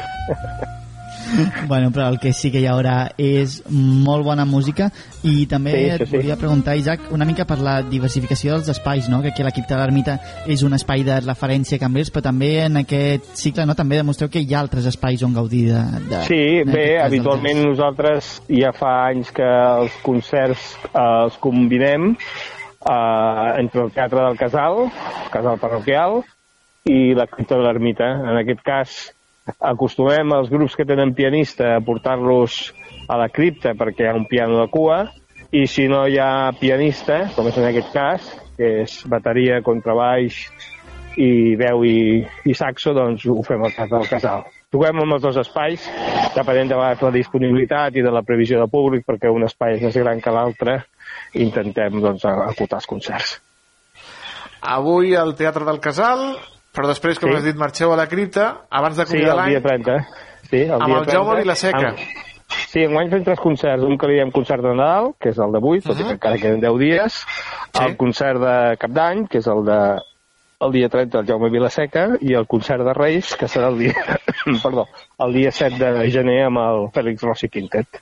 Sí, el dia 30 és un artista català, un pianista, el Jaume Vilaseca, per això el portem a la cripta, on hi ha el piano de cua, i ell el que fa, ja l'hem tingut un parell de vegades a Cambrils al llarg dels anys, i ell el que fa és un homenatge en clau de jazz a una època del grup de rock progressiu Yes, un dels anys, una de les èpoques claus d'aquesta formació, que és del 72 al 76, crec, ara estic dient de memòria perquè estic al carrer, o 73-76, no? Tres discos que els Yes van fer d'aquella època i que ell eh, els passa pels sales de jazz amb un octet, o sigui, són vuit músics els que venen, eh, la secció de vents, bateria, piano, trompeta, eh, baix, contrabaix i, i guitarra amb el Jaume Vilaseca. O sigui, un grup que pot atraure tant els aficionats del jazz com els aficionats del rock progressiu que escoltaran algunes de les peces que ells coneixen. Mm, dels Yes, déu nhi I com dius tu, després de Nadal, després de Cap d'Any, ve Reis, Sí. obrireu els regals... El i dia us trobareu- 7, exacte, ja abans de exacte. tornar a l'escola, diguéssim, els que van a l'escola, eh, tindrem el Félix Rossi Quintet, que, que és un trompetista català, fill d'argentí, el seu pare és el Jorge Rossi, un contrabaixista important, un bateria important, que el que ens farà és doncs, oferir-nos una selecció d'estàndards de jazz, de bebop, amb una secció també potent, que en aquest cas, doncs, la sort és que tenim el seu pare, que ens acompanya en la bateria. El Félix Rossi és un dels músics de la generació d'Andrea Motis. Fa molts anys va venir a Cambrils amb un concert de duo amb la Motis i, uh -huh. i bé, doncs en aquest cas, després d'uns quants anys que havíem anat al darrere d'ell o ell havia anat al darrere de nosaltres, doncs no coincidíem sempre amb les dates i finalment l'hem pogut fer. I, Aquest dia Isaac, set. eh, aquests, aquests tres concerts que comentaves, quin serà el preu per poder gaudir de, de Sí, el preu, el preu fem un preu sempre anticipat de 12 euros als socis de l'associació, perquè com muntem des d'una una associació a 30 euros pels tres concerts. Jo crec que preus bastant populars per artistes de primer nivell. Home, i tant, i tant, sabeu uns preus bastant populars. Eh, has parlat de l'associació. Qui sou la gent de Cambris la Mar de Jazz, Isaac? Doncs bé, l'associació Camins de Mar de Jazz és una entitat que va néixer fa 15 anys, la vam crear tres persones, el Carlos, el Dani i jo mateix, ens mantenim tots a l'entitat, han crescut de socis, ara el president és el Javi Bernadó, jo faig una mica de programador artístic, i cara visible, però ja en tenim un altre president, i som una, ara mateix uns 40 socis, amics del jazz, amics de la música en directe, amics de la cultura, doncs que permeten doncs, amb la seva quota anual doncs, finançar part de les nostres entitats i assegurar-nos ja també un públic mínim per, per a aquests concerts que després, doncs, per sort, es va ampliant amb gent procedent de tot, el, de tot el camp de Tarragona i gent que de cada setmana, que Cambrils és una població de costa i turística, tothom ho sap, doncs tenim bastants eh, seguidors que acostumen a venir. Ara estic veient que arriben els músics per la porta. Mm -hmm. Heu visitat també amb la gent de Cambris la Mar de Jazz eh, els festivals més importants d'Europa. Si no recordo malament, vau estar en guany a, a Països Baixos, com dius tu, no? Sí, vam estar a Amsterdam aquest, aquest mes de, de juny, sí, abans de Sant Joan. Ens va convidar la, la Generalitat amb una sèrie de programadors catalans perquè vegéssim l'escena holandesa, que realment és espectacular, Amsterdam i Rotterdam. A Amsterdam hi ha un conservatori pel qual han passat bona part dels músics catalans de, de les últimes de l'última 5 o 10 anys, que gràcies a aquest contacte entre Catalunya i Holanda i músics dels països baixos, doncs hi ha una gran connexió. El Javi Torres, d'aquí a Tortot, d'aquí a Tarragona, eh, va viure molts anys a Amsterdam, la Irene Reig, que també l'hem tingut, ha viscut allà, ara hi ha un músic de Vilafranca que es diu Tom Felices, que també està tenint força èxit.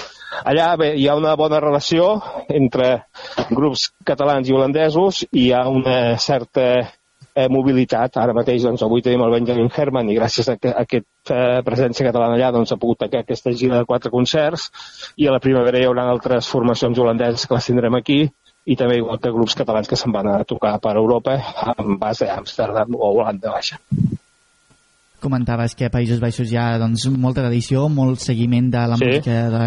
Sí, a la, de la cultura en general, de la cultura en general. Hi ha molt suport públic, uns equipaments impressionants, eh, molta formació i gràcies a tot això es crea públic i es crea, es crea audiència i es creen projectes musicals d'aquests que després poden sortir per tota Europa. Llavors són el model a seguir o a intentar implantar en certa manera aquí? Jo crec que sí, jo crec que sí, que és un bon exemple.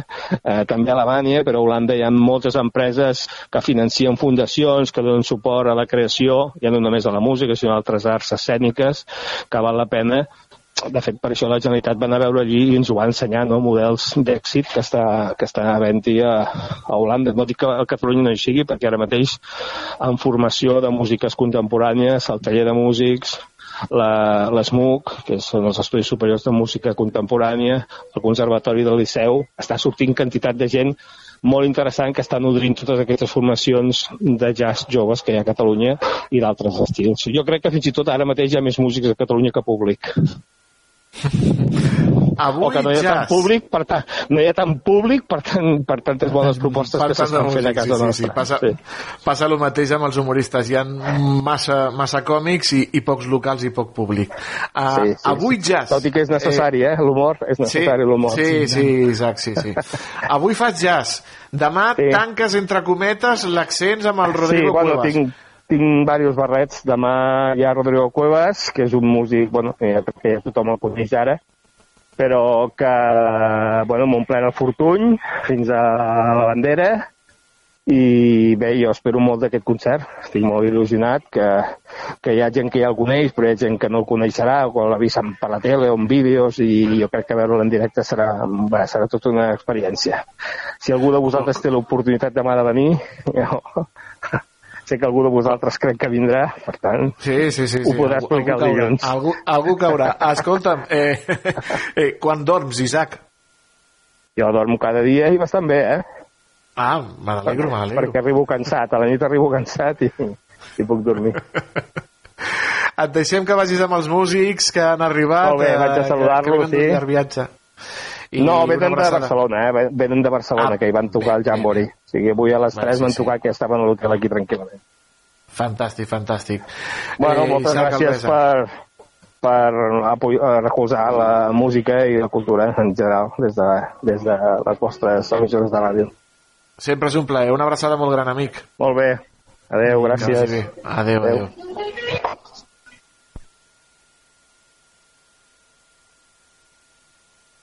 Estàs escoltant Carrer Major.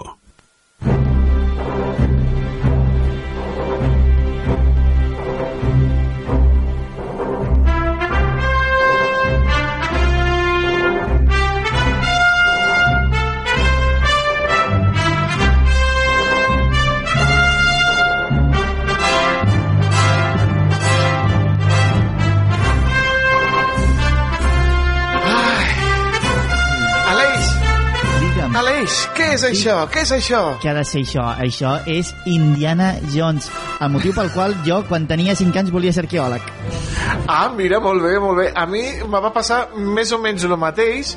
Jo suposo que a, a tu seria amb la de uh, les últimes d'Indiana Jones, a mi amb la primera. Jo volia ser arqueòleg, però va venir un senyor arqueòleg al- a l'Eduard Toda, al meu col·le, i em va dir la nostra feina consisteix en estar amb un raspallet així, mirant a veure si és caca o si és os, o si és caca o si és un os.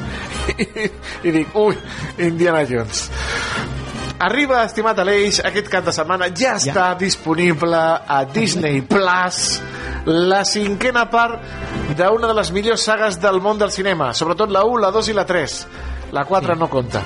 I la 5 que arriba amb Indiana Jones i el Dial del Destí, protagonitzada pel gran Harrison Ford, fent el paper de l'arqueòleg més conegut del món, amb permís sempre, com hem dit, de l'Eudal Carbonell. Aquesta cinquena pel·lícula, l'Eix, del nostre estimat Indy, no està dirigida per Steven Spielberg, com les altres quatre. No! En aquesta ocasió ha estat en James Mangold, el director de Logan, per exemple, l'ha escollit Oh, per fer... xula. Sí, Logan és, és brutal. Eh, les aventures d'aquest vell Indiana Jones, ja està una mica cascadet amb l'edat, acompanyat de la seva fillola, la increïble Phoebe Waller-Bridge. Està immensa. És un dels personatges més icònics del cinema. A veure, tothom coneix Indiana Jones. I dels seus rodatges han sorgit un munt d'anècdotes i curiositats que avui recollim a la nostra secció dels Tonis. Comencem, Aleix, perquè et quedaràs de pasta de boniato. Sabies que un gos va inspirar Indiana Jones? Doncs no. Ah. Ah. No sabia, no, no. I, i com acaba? Ah, no? O sigui, Spielberg, què feies? En un primer moment eh, s'havia de dir Indiana Smith, perquè Indiana era el nom del gos de George Lucas. Fins i tot, amb la pel·lícula, eh, en la tercera part, eh, quan entra a casa, eh, el jove Indiana Jones, interpretat pel River Phoenix, li diu, hola Indiana, i toca el gos. Ah, mira, es, es diu Indiana. Va ser, com hem dit, el nom eh, escollit Indiana Smith, però Spielberg va protestar que deia Indiana Smith, Indiana Smith, això no pega. I va sol·licitar el canvi de nom i va proposar Indiana Jones, i així va quedar. Com hem dit, era el gos de George Lucas, i amb un George Lucas immers en una altra saga, que era la saga de Star Wars, era impossible que Indiana Jones no patís algun efecte col·lateral, patís amb, amb, amb clau d'humor, perquè, per començar, els noms dels robots R2D2 i C3P, C3PO apareixen en un jeroglífic al film Indiana Jones a la recerca de l'arca perduda. Es tracta d'un dels moments més celebrats pels fans tant d'Indiana Jones com de Star Wars. També a Indiana Jones i al Temple Maleït es dona un, una, es faci l'ullet a la saga, la de les Guerres de les Galàxies, ficant-li Obi-Wan al club propietat del dolent de la història que està doncs, a, a Indonèsia i es diu Aquell principi, Obi-Wan. no? Aquell principi que hi ha l'escena amb el nen. Correcte. Parlem, parlem del nen, parlem de Tapón. Spielberg i Mike Fenton, directors del càsting, estaven tenint problemes per a trobar a l'actor jove adequat per fer el personatge de Short Round, és a dir, Tapón, per la qual cosa van fer una convocatòria de càsting oberta en una escola de primària a Los Angeles, on finalment van descobrir a un nen que es deia que es diu Ke Wai Kwan. El nen va cridar l'atenció de la productora Kathleen Frank i de Frank Marshall i llavors aquests van convidar al jove Ke Wai Kwan a fer una audició amb Harrison Ford. I aquí va començar la màgia.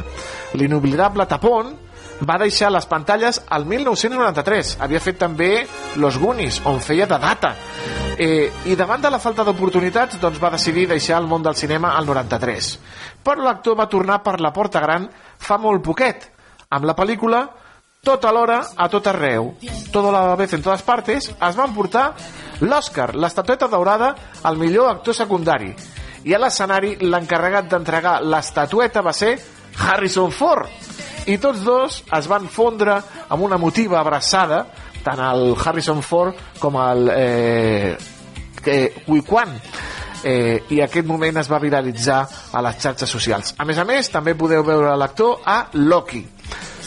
També un elefant va ser protagonista perquè gairebé es menja el vestit de la Kate Capshaw. L'actriu es va divertir molt durant el rodatge d'Indiana Jones i el Temple Maleït amb una escena on un eh, famèlic elefant com men menjava de tot.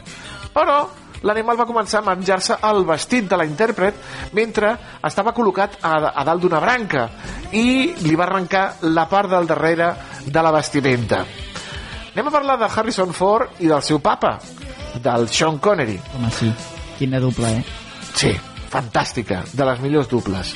Ford i Connery es van treure els pantalons mentre gravaven una escena. Sí, sí, durant el rodatge, Harrison Ford i Sean Connery, és a dir, Indiana i Henry Jones, fill i pare, tots dos es van treure els pantalons perquè tenien molta calor. I no ho van dir a l'equip de rodatge.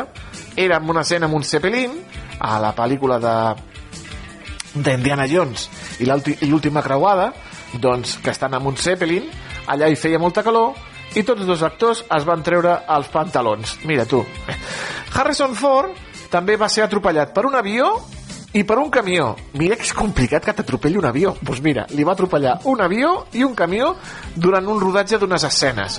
I es va trencar el lligament creuat anterior. Mira, que és com si fos un futbolista. Sí. Malgrat això... La Marta Díaz.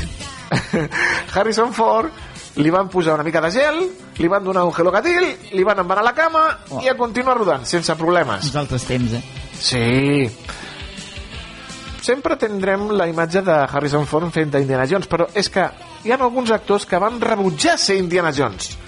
Tom Selleck, Jack Nicholson, Nick Knoll, Bill Murray, Steve Martin i Jeff Bridges van rebutjar el paper d'Indiana Jones. Finalment, Harrison Ford va dir que sí i gràcies per dir que sí perquè si no no seria el mateix I la Sharon Stone també va dir que no. Sharon Stone va ser una de les candidates favorites per fer el paper de la Willie Scott, el qual finalment, com hem dit, va ser interpretat per la Kate Capshaw. I també va dir no Sean Connery. Bé, va dir no a tornar a fer de Henry, de Henry Jones.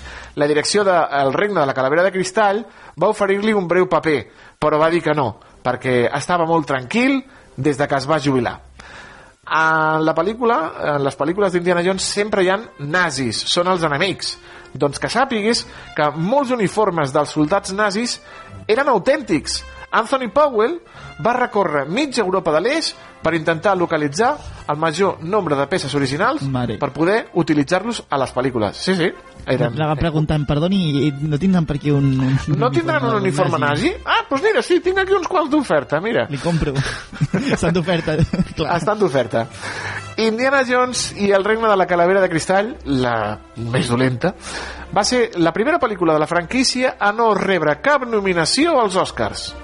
Els tres lliuraments anteriors no sols van estar nominades, sinó que també van rebre almenys un premi. A la recerca de la- de l'Arca Perduda va aconseguir quatre Oscars. I com una gran producció, les pel·lícules de la saga d'Indiana Jones s'han rodat per tot el món. Hi ha les imatges de Petra, al final aquell amb, amb els cavalls, a la Índia, passant per Venècia... Doncs a l'estat espanyol també s'ha rodat Indiana Jones, estimat Aleix, sí, sí. Oh. Va ser a l'última creuada.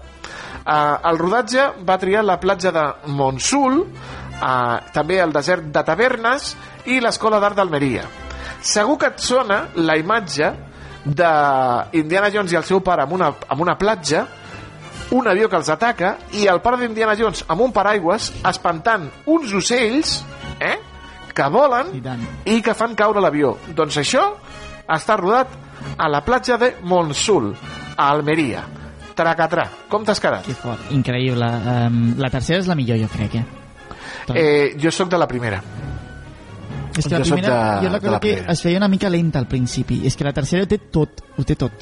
Sí, bueno, té el Harrison Ford, però la primera... Ah, per cert, de la primera també t'he de dir, Aleix, que l'escena de la lluita amb aquell home de l'espasa sí. i quan Harrison Ford es treu la pistola i el dispara, és, havia d'haver-hi una lluita, però Harrison Ford aquell moment tenia gastroenteritis. I van dir doncs eh, fes alguna cosa. I ell va treure's la pistola va disparar i l'altre es va fer el mort. I mira, eh, així va que acabar amb aquella, amb aquella baralla que havia de fer amb l'home de l'espasa a la que primera, la, la recerca de l'arca perduda. Ai Aleix Indiana Jones. Quines ganes de la cinquena ara ja, eh? Ara ja, ja vaig... No sabia jo, no sabia que s'estrena aquest cap de setmana, o sigui que... Sí, la pots trobar a Disney. Eh, als cinemes no va triomfar, però bueno, jo la miraré a Disney aquest cap de setmana. Eh, la miraré demà dissabte i diumenge la pel·li de terror, aquella, per a veure si em moro. Vinga, va, anem a la banda sonora, corre. Es que lo quiero todo, todito todo, todito todo, contigo todo, lo quiero todo, todito todo, todito todo, contigo todo, lo quiero todo,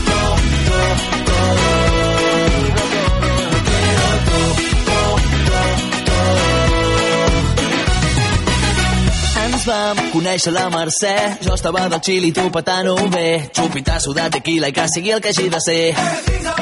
Tot anava bé, sí. Tens aquest flow natural, què sé jo, que no és normal. Tu jo en una caleta per la Costa Brava, cari per tu, em compro la barca. Ah, em sembla que aquesta gent són d'Altafulla, no? Em Sí. sembla que aquest és el Tonet Blázquez. Sí, sí, sí. Crec que va gent Sí? encaminat, eh? A veure... Hi, només hi ha una persona que ens pot resoldre aquest dubte. Eh, I no es dirà David Fernández? Sí, i és de la nova ràdio de Reus. I és de la nova ràdio de Reus. Doncs anem a preguntar-li. David Fernández, bona tarda.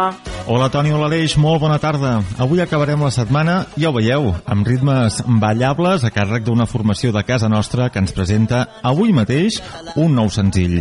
Anem a Altafulla, d'allà són els Portobello, aquesta banda que està presentant algunes de les cançons que aniran al seu futur treball discogràfic.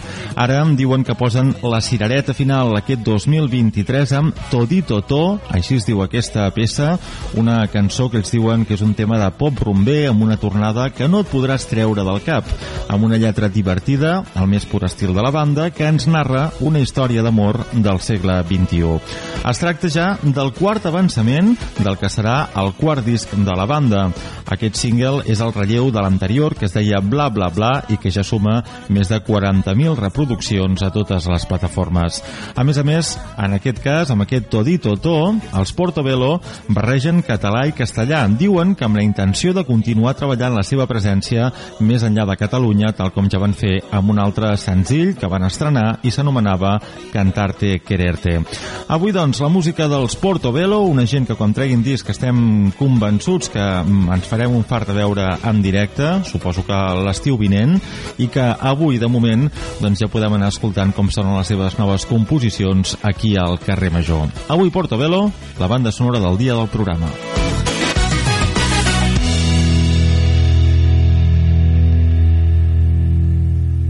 Todito to, todito to. Sí, sí. Eh? Ah, el, el, el Tonet Blázquez, que son pare és joier, i mira, una, Sí. va fer una joia amb aquest. Exacte. Que bon acudit, eh? Hòstia, m'ha sortit, m'ha sortit rodó, eh? Li, li han sortit els dos fills, el, el Tonet i el... I el no me'n recordo com es diu l'altre. Eh, que toca... ah, L'altre toca la, el bateria, és el bateria dels buos, no? Família de músics. Família de músics i el pare joier. Bueno, bueno, bueno, vinga, va. Saps qui, saps qui també... És una joia? Sí, i, i, és, mus- i és música també. Ah, és música també? Sí. Ah, sí, que toca el, tro el, la trompeta. La trompeta toca. La trompeta. Sí, sí. Si és que estem envoltats de músics. Uh, Sí. Un que toca el violí, el nostre tècnic, la trompeta... No em Jo parlaràs de la Cristina? Artacho? O sigui, som dos violinistes, el Iago i jo. Llavors, Oh, és veritat, és veritat que tu també ets violinista. Oh. Cristina Artacho, la nostra conductora de la furgoneta. On para avui? Anem a saludar-la. Cristina, molt bona tarda. Per on pares avui? Hola i benvinguts un dia més aquí a la Furgo. Avui sóc al barri de Sant Salvador de Tarragona i m'acompanya la Marina Rebull, que és la dinamitzadora de la Biblioteca de les Coses, que és bàsicament on som. I per què som aquí? Doncs perquè avui, aquí a la Biblioteca de les Coses, han organitzat un taller de decoracions nadalenques sostenibles. És així, Marina? Sí, és així, és així. Eh, la gràcia està en intentar fer un Nadal, del Nadal algo sostenible i reutilitzar prendes de roba que tenim en desús a casa i d'aquesta manera pues, estalviar una mica la petjada que, pues, que generem. I què podem fer amb aquestes peces de roba reutilitzades? Bé, doncs la idea és poder aprendre a fer o boles de Nadal o algun tipus de, de penjoll per a l'arbre, fins i tot embolicar els regals. Precisament, no? Potser el Nadal és una de les èpoques de l'any on més consumim. És per això que heu decidit tirar endavant aquesta iniciativa? Sí, és una de les coses que ens vam estar plantejant des de la Biblioteca de les Coses, fer del Nadal com la cosa més sostenible possible. I, per tant, eh, vam tenir en compte les dades de que per cada paper de regal eh, 3,5 se produïen 3,5 quilograms de CO2, una xifra que era com bastant impactant i vam dir com podem pal·liar-ho i vam pensar en això. I com funcionen aquests tallers, no? Com els organitzeu, com arribeu a la gent i un cop ja estem fent el taller, com, com és un taller a la Biblioteca de les Coses? Bé, doncs la idea inicial sol sortir de les fareres, les noies del far cooperatiu, i després des de la biblioteca com a que ho implementem i anem com a donar-li una mica de forma a això, no? Després els tallers s'intenten comunicar via WhatsApp o pel Gmail de bibliocosestarragona.cat i pues res, sobre una miqueta sobre la marxa anem muntant les taules, a veure qui s'apunta i si no, la gent sap que de l'horari entre 3 i 6 pot vindre quan vulgui i, i participar-hi. La Biblioteca de les Coses està oberta cada dia de dilluns a divendres de 3 a 6? No, la Biblioteca de les Coses actualment està oberta els, di, els dijous i els divendres. Els dijous pel matí de 9 a 1 i els divendres de 3 a 6. I ara parlem no, de- d'aquest taller de decoracions nadalenques sostenibles, però la Biblioteca de les Coses no és només això. Quina és la funció de la Biblioteca de les Coses en general? La Biblioteca de les Coses té com una funció una mica pedagògica de fer una mica d'incapié no? eh, en les persones en què compartir és, és algo que, que abans se feia molt i que ara com a que s'havia oblidat i, per exemple, donar-li funcions a coses que tenim a casa, com ara un taladro, que s'ha estimat que la seva vida útil és d'uns 13 minuts, o sigui, és algo molt, molt fort, doncs nosaltres intentem tenir aquestes coses per a que la gent simplement vingui a utilitzar-les i a com a alquilar-les no, aquell període de temps necessari després pugui deixar-ho per a que una altra persona pugui fer la funció. Eh, perdona. No, he dit des de quan existeix la Biblioteca de les Coses aquí a Tarragona? Farà com un any o així i fa uns quants mesos ja que hem començat com a fer altres tallers, tipus mercat de roba sense diners, mercat escolar sense diners i, i això. Tot s'intenta que vagi encarat a, a, a, a aspectes socials eh, insostenibles. Sí, sí, s'intenta que, que sigui algo com així. Sí. I comentaves, no?, que les fareres, no?, són elles també les que d'entrada van tirar endavant aquest projecte? Sí, són elles, juntament amb la Fundació Ariadna, que van fer com una unió i va sortir una sinergia molt, molt interessant. Parlem tota l'estona no, d'economia social, comunitària, sostenibilitat. Quina és la importància de que en l'actualitat no, sorgeixin projectes com aquest, com la Biblioteca de les Coses, on, on hi hagi espai no, per la sostenibilitat i dedicats expressament a, això? La importància, eh, sobretot, de saber que estem a un sistema capitalista que el que intenta és mm, tindre-ho tot, que consumisques tot, que cada vegada vulgues més, noves modes, obsolescència programada i d'aquesta manera pues, intentem eh, compartir tot el contrari, que sigui la forma de compartir, eh, intentar reutilitzar al màxim el que tenim a banda no, d'aquest sistema econòmic que sigui doncs, comunitari i tal, també fomenta no, el, el compartir entre persones no, aquest valor? Sí, és, és essencial. I parlaves, per exemple, de, del taladro, no? que té 13 minuts de vida i que és molt, molt curt. No sé quins són altres objectes que podríem trobar aquí. Bé, doncs, per exemple, tenim eh, elements de com de la indústria tipus panificadores, talladores d'embotits, que pots, pots utilitzar en moments donats, cadires de rodes, eh, crosses, són coses que potser en un moment donat necessites per un període curt. I si necessito una d'aquestes coses, quina és la manera en la que jo puc agafar-la de la biblioteca? Mm, doncs la, la millor forma és fer-te sòcia per un preu que són 5 euros a l'any i després d'això, per cada cosa que, que agafaràs, pagaràs un euro o dos a la setmana, com, és com un preu simbòlic no? de, de que tens allò.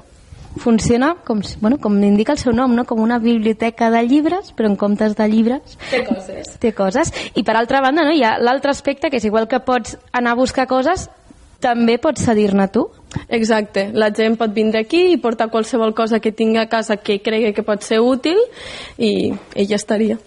Doncs ja ho sabeu, eh, aquesta tarda hi ha aquí el taller de decoracions nadalenques sostenibles aquí a la Biblioteca de les Coses, però la Biblioteca de les Coses una entitat no, social que intenta doncs, fer que les coses tinguin un període de vida més llarg. Ho hem parlat amb la Marina Rabull, que és la dinamitzadora d'aquest espai, i res més, ens veiem a la propera furgó. Adeu. Adeu. Adeu, Cristina, adeu, adeu. I- Jo els hi podria deixar el taladro perquè me'l van regalar per un Nadal i encara no l'he fet servir. Però, Jo- o sigui, bueno, però mai se sap. Això, aquestes són les típiques coses que funcionaria molt bé a la biblioteca de les coses, perquè la vols un Sí, dia sí. per una cosa i ja te n'oblides. Em van regalar un taladro, però jo continuo trucant al meu amic Ivan i és el que em ve a fer els forats a casa. Eh, no hi ha res com tenir un, un amic manetes. I no hi ha el res com tenir... del cap de setmana. No hi ha res com tenir-te també a tu al costat, Aleix. Oh, gràcies. Bon cap de setmana, eh? Igualment, fes bondat. Sí, tornem dilluns. Que vagi molt bé. Dilluns, vagi bé. Adeu, adeu.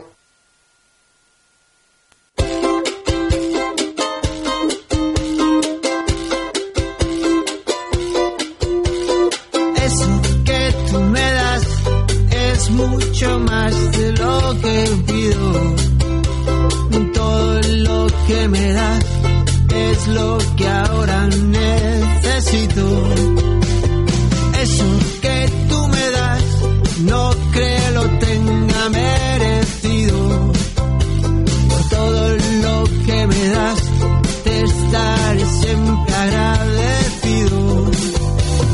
Así que gracias por estar, por tu amistad y tu compañía.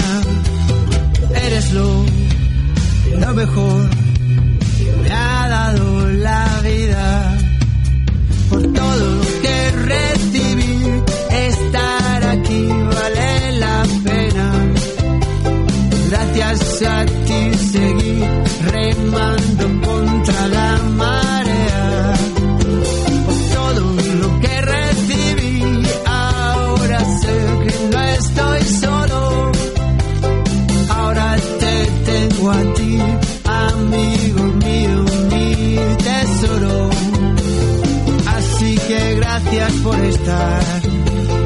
por tu amistad y tu compañía. Eres lo, lo mejor que me ha dado la vida.